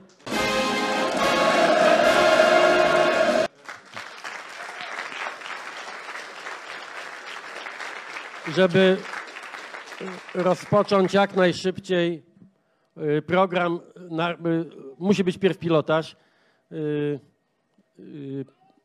skróconego tygodnia pracy. Są dwa modele, oba były już testowane w niektórych państwach, takich jak Finlandia, Islandia, Hiszpania, teraz Wielka Brytania, y, czyli czy skracać dzień pracy, czy, czy skracać tydzień pracy. Te programy pilotażowe nie zawsze z obiecującymi konsekwencjami, ale trzeba jeszcze nad tym pracować. Koncentrują się raczej na czterotygodniowym y, tygodniu pracy. Ten pilotaż jest potrzebny, żeby nie zamienić y, życie w, jakby w, w pasmo kłopotów, bo łatwo sobie wyobrazić, że trzy dni wolno od pracy nie mogą być przecież trzema dniami wolnymi od rozmaitego typu usług mm, i, mm, czy funkcjonowania państwa. Więc wiadomo, że jakby to, to, to nie jest prosty projekt ale ja nie mam wątpliwości, że y, szczególnie doświadczenie pandemiczne, które pokazało nam, że praca zdalna może w bardzo wielu miejscach y, zastąpić albo co najmniej uzupełnić y, tą pracę stacjonarną. Plus właśnie te trendy, nowoczesne technologie i trendy cywilizacyjne, one tak czy inaczej będą kazały nam od razu po, po mm, przejęciu odpowiedzialności za państwo poważnie potraktować to wyzwanie dotyczące czasu pracy i w wymiarze dziennym, godzinowym, i wymiarze tygodniowym. Także do wyborów będziemy mieli przygotowany precyzyjny projekt pilotażu na czterodniowy ty, y, tydzień pracy. Ja może najpierw zacytuję, co powiedział na temat tego genialnego pomysłu przewodniczącego Platformy pan profesor Leszek Balcerowicz w wywiadzie dla Interi. Powiedział tak: Nieważne, kto to proponuje. Nie chciałbym tego przypisywać jakiejkolwiek partii czy osobie. Brednia jest brednią, nieważne kto ją głosi. To jest niebywała populistyczna brednia, która oznaczałaby z jednej strony ograniczenie produkcji, a z drugiej podbicie inflacji, czyli spotęgowanie stagflacji w sytuacji, w której Polsce i tak ona grozi. To byłoby dolewanie benzyny do ognia. Ja widziałem komentarze zwolenników Platformy, którzy tam piszą, no ale przecież to tylko była mowa o pilotażu, to nie znaczy, że to będzie wprowadzone. Proszę Państwa, po co się robi pilotaż? No pilotaż się robi po to, żeby jakieś rozwiązanie wdrożyć, a przynajmniej uważa się je za na tyle perspektywiczne, że warto ten pilotaż zrobić. Nie robi się pilotażu czegoś, co się uznaje za absurd, a to jest właśnie absurd. Dlaczego to jest absurd? Przypomnę, że czas pracy w Polsce reguluje kodeks pracy. Dokładnie reguluje go w swoim artykule 129 i mówi o tym, że przeciętnie jest to 40 godzin w ciągu 5 dni, no czyli wypada po mniej więcej przeciętnie, znów takim pojęciem posługuje się kodeks pracy, 8 godzin dziennie. No i teraz tak, jakbyśmy mieli czterodniowy tydzień pracy, no to co robimy z kodeksem pracy? Bo oczywiście Donald Tusk tam przytomnie zauważa, że przecież państwo nie może przestać pracować, prawda? Jeżeli w kodeksie pracy odejmiemy 8 godzin, no to mamy 32 godziny, czyli co? Piszemy, że to 32 godziny, czy może zostawiamy 40 godzin, ale dzielimy je zamiast na 5, to na 4 dni. Wtedy nam wychodzi po 10 godzin przeciętnie. Tylko to nie rozwiązuje problemu e, pracy w ten pozostały jeszcze jeden dzień, na przykład pracy urzędów, bo jeżeli kodeks pracy by mówił o czterech dniach pracy, to znaczy, że jakby na przykład urzędnicy mieli pracować o jeden dzień więcej, no to by musieli dostawać nadgodziny.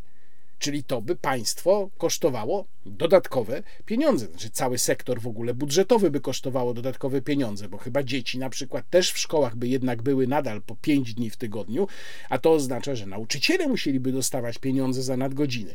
Więc robi nam się tutaj cała komplikacja dotycząca sfery finansowo-prawnej, ale pytania są dalsze jeszcze. Co z wydajnością? Czy pracownik w ciągu tych czterech dni miałby wykonać pracę, którą teraz wykonuje w pięć dni? To w jaki sposób zapewnić, żeby wydajność w ciągu czterech dni, zakładając, że nadal pozostaje to po 8 godzin pracy przeciętnie, y, nie była taka jak przy czterech dniach, tylko przy pięciu? Znaczy, nie wiem, jak Donald Tusk sobie to wyobraża. Jakiś super e, awans technologiczny w całej Polsce, we wszystkich możliwych zawodach? No nie mam pojęcia. Kolejna sprawa. W jaki sposób przedsiębiorca miałby pracownikowi zapłacić za 4 dni tyle, ile mu dzisiaj płaci za 5, gdyby efekt pracy był mniejszy? No albo miałby mu może płacić mniej, czyli tyle co za 4, ale to wtedy znaczy, że ludzie by mniej zarabiali, prawda? Albo miałby może każdy przedsiębiorca płacić za ten dodatkowy dzień już nie ujęty w kodeksie pracy, czyli też by musiał zapłacić za nadgodziny. No, nie ma tutaj żadnego rozwiązania. To jest po prostu absurd. Pomysł Tuska jest po prostu absurdem. Populizm Tuska w sprawach socjalnych e, wskazuje wyraźnie na to, że on naprawdę próbuje zahaczyć, mm, zajumać, mówiąc brzydko, wyborców lewicy. I dlatego, jeżeli ja słyszę, to nawet taką tezę przedstawiał ostatnio mój redakcyjny kolega Piotr Semka, że głównym zamiarem Donalda Tuska w tej chwili jest szybkie podporządkowanie sobie Szymona Hołowni. Ja kompletnie tego tak nie odczytuję. Uważam, że zdecydowana większość tego, co Tusk prezentuje na swoich spotkaniach, kompletnie nie uderza w Hołownię, który ma trochę inny elektorat, natomiast uderza w sensie wchodzenia na, na cudze terytorium w lewicę przede wszystkim uderza w lewicę, bo to, co Tusk prezentuje, mówię tutaj i o jego ideologicznych wtrętach, kiedy pokazywałem Państwu to mm, spotkanie, na którym Tusk tam mówił o hierarchach, o kościele, że tu trzeba z tym skończyć i tak dalej, nawiązywał do kwestii pedofilii. No przecież to wszystko są rzeczy szyte pod lewicę przede wszystkim, nie pod hołownię. Więc to jest moim zdaniem w tej chwili główny kierunek ofensywy Tuska. Ale mówię to też przede wszystkim tak naprawdę po to, że gdybyście Państwo mieli jakieś złudzenia, że Platforma Obywatelska ma świetne ekonomiczne pomysły, zupełnie inne niż ma Prawo i Sprawiedliwość, to proszę się tej nadziei raczej czym prędzej pozbyć. Teraz przed nami naprawdę obszerny dział kulturalny. Od razu mówię, że nie jestem w stanie Państwu opowiedzieć w tym odcinku o wszystkich moich odkryciach i wizytach z, ze Śląska. Jeszcze muszę część zostawić na następny program, bo było tego po prostu zbyt dużo, ale zacząć chcę od zapowiedzi szczególnie dla mnie ważnej, jako że jestem ambasadorem Fundacji Incanto, a już od 2 do 7 sierpnia w Krakowie odbędzie się, mimo różnych problemów, przede wszystkim finansowych jak zwykle, odbędzie się pełnowymiarowa, sześciodniowa, kolejna edycja festiwalu Muzyka Divina. Tym razem pod hasłem czy pod nazwą Tenebre. Tenebre, czyli ciemnia, ciemna jutrznia, to jest jedna z części liturgii godzin.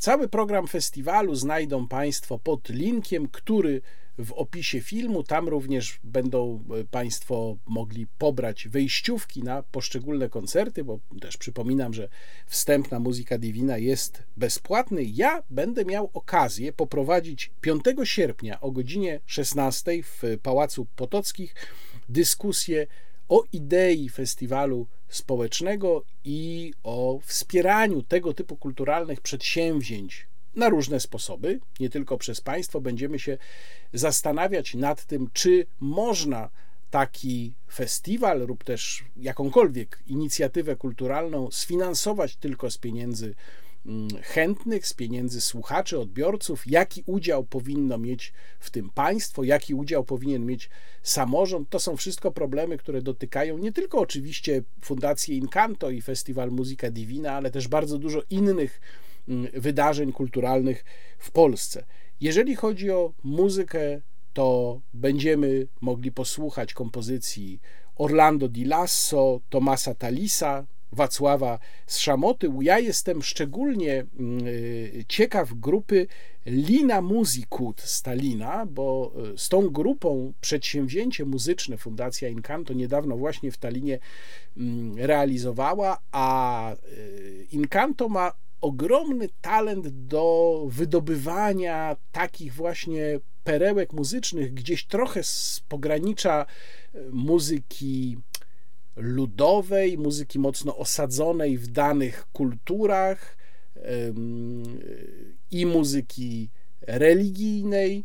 To są bardzo ciekawe występy, tak jak na przykład zeszłoroczny, do tej pory pamiętam, bo to ogromne wrażenie na mnie zrobiło, zeszłoroczny występ rosyjskiego zespołu e, Uzorika, niesamowity absolutnie. Wszystkie informacje, tak jak powiedziałem, pod linkiem bardzo Państwa zachęcam do pobrania wejściówek, do pojawienia się na koncertach, a także zachęcam, no bo w końcu o tym mówimy, kiedy mowa jest o festiwalu społecznym, zachęcam do tego, żeby zostać patronem Fundacji Incanto, wspierać Fundację Incanto regularnie, mm, no albo przynajmniej, żeby kupować płyty w sklepie Incanto, książki w sklepie Incanto. Można też wspierać poszczególne inicjatywy fundacji. Do tego bardzo namawiam, bo takie wydarzenia są nam bardzo, ale to bardzo potrzebne i warto nagrodzić ludzi, którzy angażują swój czas, swój wysiłek, również poświęcają często swoje życie prywatne, żeby dać nam te kilka dni wspaniałej muzyki. Jeszcze raz, muzyka divina tym roku w Krakowie w dniach od 2 do 7 sierpnia. Zapraszam, ja też będę tym razem na całym festiwalu. A teraz wracam do moich wrażeń ze Śląska. Tym razem przenosimy się do Cieszyna. Cieszyn kojarzy się wielu osobom i słusznie z rotundą świętego Mikołaja na Wzgórzu Zamkowym. To jest ta rotunda umieszczona na banknocie 20-złotowym. Jest tam również wieża piastowska, na którą można wejść. Jest z niej bardzo piękny widok na całą panoramę Cieszyna, ale ja chcę Państwu opowiedzieć tym razem o Muzeum Śląska Cieszyńskiego w Cieszynie, które mieści się w bardzo okazałej, takiej pałacowej kamienicy, która e, należała kiedyś do rodziny Larisz Mönich, wybudowana na przełomie XVIII i XIX wieku. Natomiast co ciekawe, e, fundamenty, podstawy Muzeum Śląska Cieszyńskiego stworzył ksiądz Jan Szersznik i uruchomił takie muzeum w 1802 roku. To jest w ogóle niezwykła postać, związana przez całe życie z Cieszynem, i tak się złożyło, że w momencie, kiedy ja zwiedzałem Muzeum Śląska Cieszyńskiego, z okazji właśnie 220. rocznicy jego powstania, mm, była tam wystawa, którą można było zwiedzać bez przewodnika, bo reszta muzeum z przewodnikiem wyłącznie. Była tam wystawa pokazująca postać księdza Szersznika i jego zbiory. Trzeba by powiedzieć, chociaż ksiądz Szersznik żył, jak powiedziałem, na przełomie XVIII i XIX wieku, no czyli są to, to jest to końcówka baroku, to jest czas oświecenia, to trzeba powiedzieć, że był typowym człowiekiem renesansu. Niesamowicie ciekawym wszystkiego. Zresztą miał duży talent, żeby tę swoją wiedzę i tę swoją pasję też przekazywać innym, bo zajmował się również nauczaniem, ale zajmował się kolekcjonowaniem jako osoba zupełnie prywatna, nie wspomagany przez żadną instytucję. Zajmował się kolekcjonowaniem książek, zgromadził ogromny księgozbiór, który przetrwał do dzisiaj w ogromnej części, nie, cało, nie w całości, ale w dużej części biblioteka księdza Szersznika, a także ogromną kolekcję różnego rodzaju przedmiotów. To były i artefakty przyrodnicze, mm, takie jak na przykład kieł mamuta, ale to były też tak specjalne, wyjątkowe, unikatowe przedmioty, jak na przykład globus nieba z 1702 roku, który na tej małej wystawie poświęconej księdzu Szersznikowi można mm, zobaczyć. Był też y, społecznikiem w takim sensie, że działał na rzecz lokalnej społeczności, projektując różne przedsięwzięcia. Na przykład y, wodociąg. Jest fragment rury, drewnianej rury wodociągowej, projektu i inicjatywy właśnie księdza y, Szersznika. Główne muzeum jest bardzo ciekawe, główny gmach muzeum, główna ekspozycja jest bardzo ciekawe, bardzo przekrojowe. Mamy tam całą właściwie historię Śląska Cieszyńskiego, od wystawy archeologicznej począwszy na czasach prawie że współczesnych, skończywszy w każdym razie dwudziestowiecznych. Z takich ciekawostek, poza samym wyglądem pomieszczeń pałacowych, też poza ich udekorowaniem, dekoracją, polichromiami różnego rodzaju na ścianach, mamy na klatce schodowej interesujący też unikatowy, bo chyba zachowany w całości, jeżeli się nie mylę, XVIII-wieczny cykl scen e, z życia świętego Alojzego Gonzagi. Potem mamy najróżniejsze eksponaty, niektóre z nich tutaj Państwu pokazuję. To są i portrety osób ważnych dla miasta, w tym cesarza Franciszka Józefa, który w Cieszynie był bardzo szanowany, bywał w tym mieście wielokrotnie i odnotowano, że kiedy się pojawiał, to zachowywał się bardzo skromnie. To jest też ciekawostka, nawiasem mówiąc, że cesarz Austro-Węgier pojawiał się w różnych miejscach publicznych bez ochrony i piechotą. To taka ciekawostka w zestawieniu z tym, jak się dzisiaj zachowują nasi dygnitarze. Mm, więc są portrety różnych osób ważnych dla, dla regionu, dla Cieszyna, są przedmioty codziennego użytku, jest wyposażenie mieszkań, są różnego rodzaju bibeloty, czasem nawet trochę zbereźne, takie też się zdarzają. No i polecam, jak już tam Państwo będą, wizytę w, przy muzealnej e, kawiarni, która się mieści w tym samym budynku, a dokładnie jest to miejsce, gdzie kiedyś była luksusowa, naprawdę luksusowa stajnia. Jak Państwo tam będą, to nad barem widać balkon. Ten balkon podobno służył właścicielom kamienicy, czy też pałacu, bo chyba można to jednak nazwać pałacem, do podglądania dyskretnego pracy koniuszych. Można tam było stanąć na tym balkonie i patrzeć w dół, co się dzieje w stajni. A potem przez wiele lat, to już mówimy o wieku XX, w tym pomieszczeniu była przechowywana właśnie wspomniana przeze mnie wcześniej biblioteka księdza Szersznika. Przy tej okazji, skoro mówimy o Cieszynie, no to trzeba wspomnieć chociażby krótko o niedługo trwającej, ale relatywnie krwawej, bo pochłonęła, chyba, jeśli dobrze pamiętam, kilkaset ofiar, mm, wojnie polsko-czechosłowackiej z 1919 roku, kiedy to Czesi złamali wcześniej zawarte porozumienie, układ i zajęli Śląsk Cieszyński początkowo aż do linii Wisły. Potem za rozstrzygnięcie tego sporu zabrała się społeczność międzynarodowa i tak się złożyło, że niestety Polska straciła wtedy Zaolzie. I trzeba o tym konflikcie z 1919-20 roku, bo rozstrzygnięcie zapadło w 1920 roku, kiedy Polska była e, zajęta walką z bolszewikami, trzeba o tym pamiętać w kontekście zajęcia Zaolzia w 1938 roku. No bo często się nie widzi, nie pamięta się o tym kontekście wojny polsko-czechosłowackiej i mm, tego, jak Czesi wtedy za Olzie zajęli wbrew e, początkowym ustaleniom. E, jeżeli się o tym kontekście pamięta, no to też to polskie działanie, nawet jeżeli oceniamy je krytycznie, ale ono jednak się jawi trochę inaczej, to z 1938 roku. Kolejne miejsce, o którym chcę Państwu opowiedzieć, to bardzo nowoczesne, duże Muzeum Śląskie w Katowicach. Jeżeli będą Państwo w Katowicach, to moim zdaniem absolutnie miejsce, do którego trzeba pójść. Są tam dwie duże, stałe ekspozycje. Pierwsza to jest ekspozycja sztuki e, od XIX wieku aż do sztuki, sztuki współczesnej. I druga stała ekspozycja, którą szczególnie mocno polecam, to jest ekspozycja o historii Śląska. Co ciekawe, Muzeum Śląskie miało powstać jeszcze przed wojną i jego gmach został zbudowany, był w postaci, z tego co pamiętam, surowej, no ale wybuchła wojna.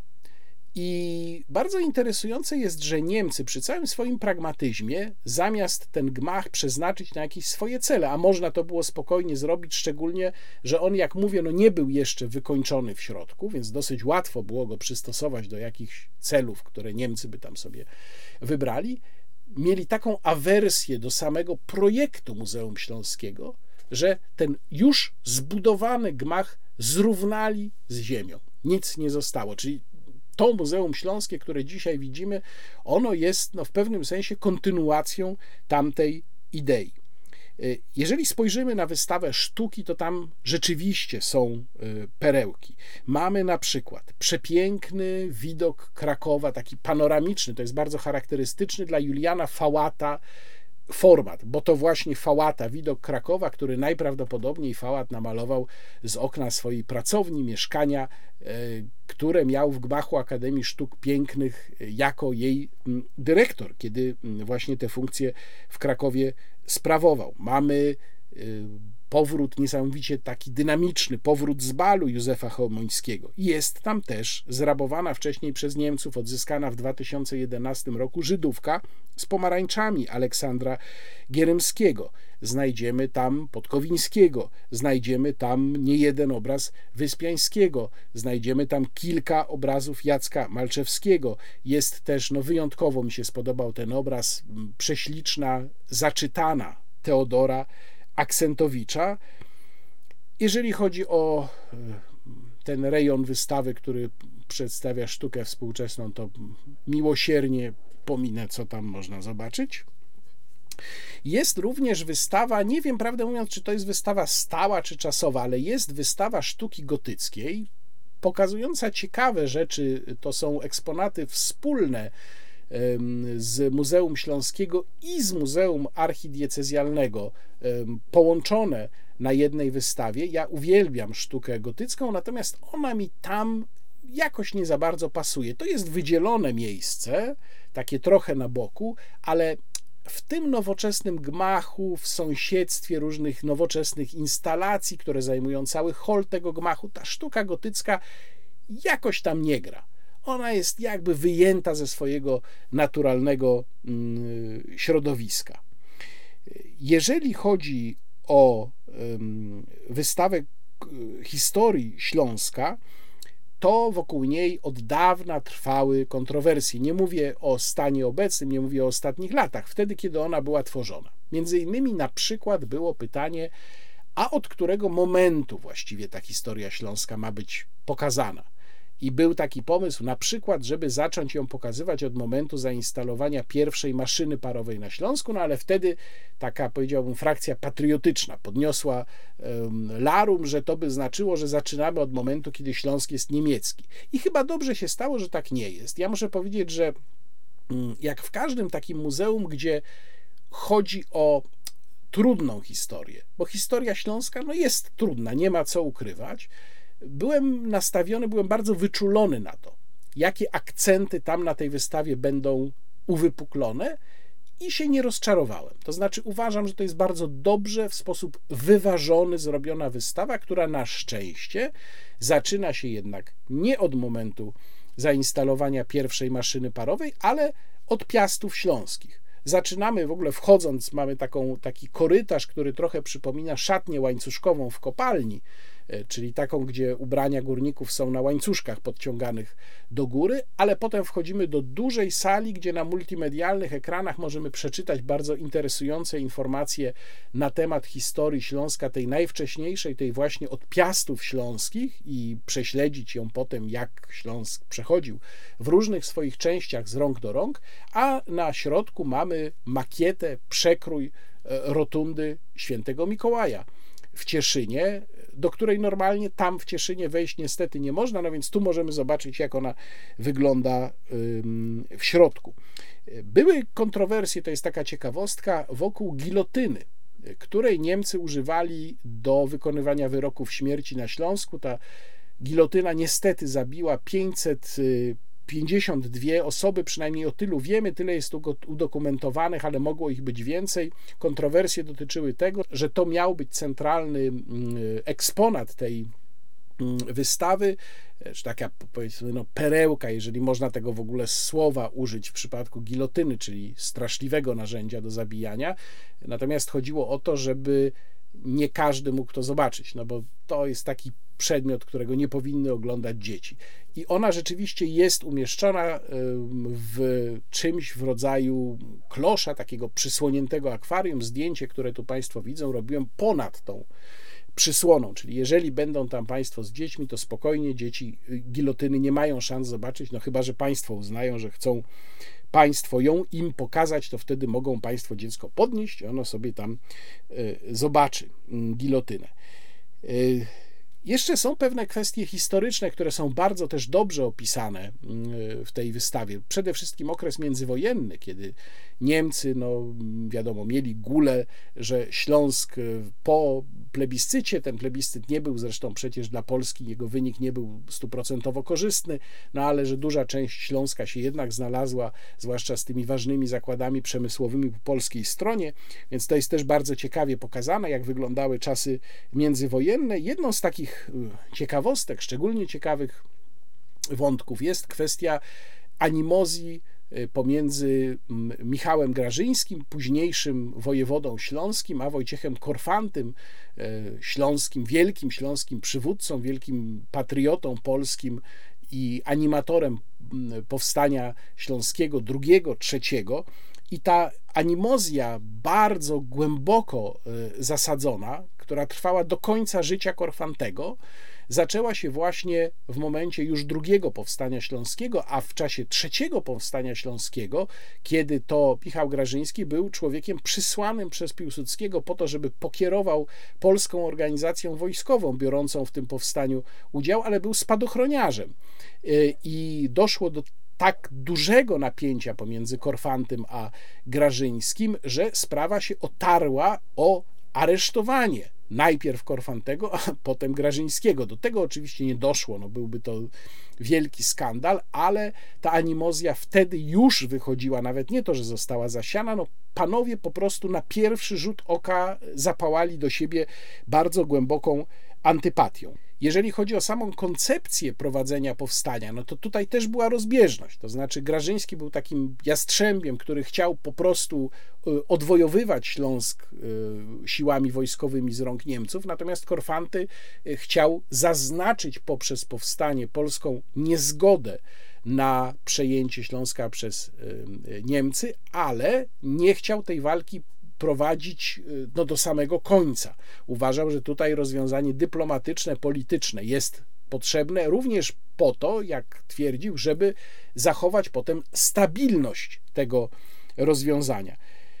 Po 26 roku, po przewrocie majowym, Grażyński, y, który był mało polaninem, więc ze Śląskiem nie miał nic wspólnego, jeżeli chodzi o pochodzenie, zupełnie inaczej niż Korfanty, został przysłany w teczce na stanowisko wojewody śląskiego, którym pozostał do 1939 e, roku, kiedy jeszcze miał taki epizodzik, kiedy go mianowano ministrem propagandy, ale to już było w ostatniej chwili, nie zdążył nawet tego stanowiska objąć. No i to był czas wielkiej naprawdę wojny Korfantego z Grażyńskim, e, gdzie obaj panowie się obrażali na różne sposoby w różnych pismach, we własnej nawet biografii Grażyński obrażał Korfantego, Korfantego. Korfanty odpowiadał w różnego rodzaju artykułach. Bardzo to było przykre. Także odpowiadał w przemówieniach wygłaszanych w Sejmie Śląskim, bo przecież pamiętajmy, że Śląsk miał bardzo e, dużą autonomię zagwarantowaną w konstytucji RP i dlatego miał właśnie własny Sejm, Sejm Śląski.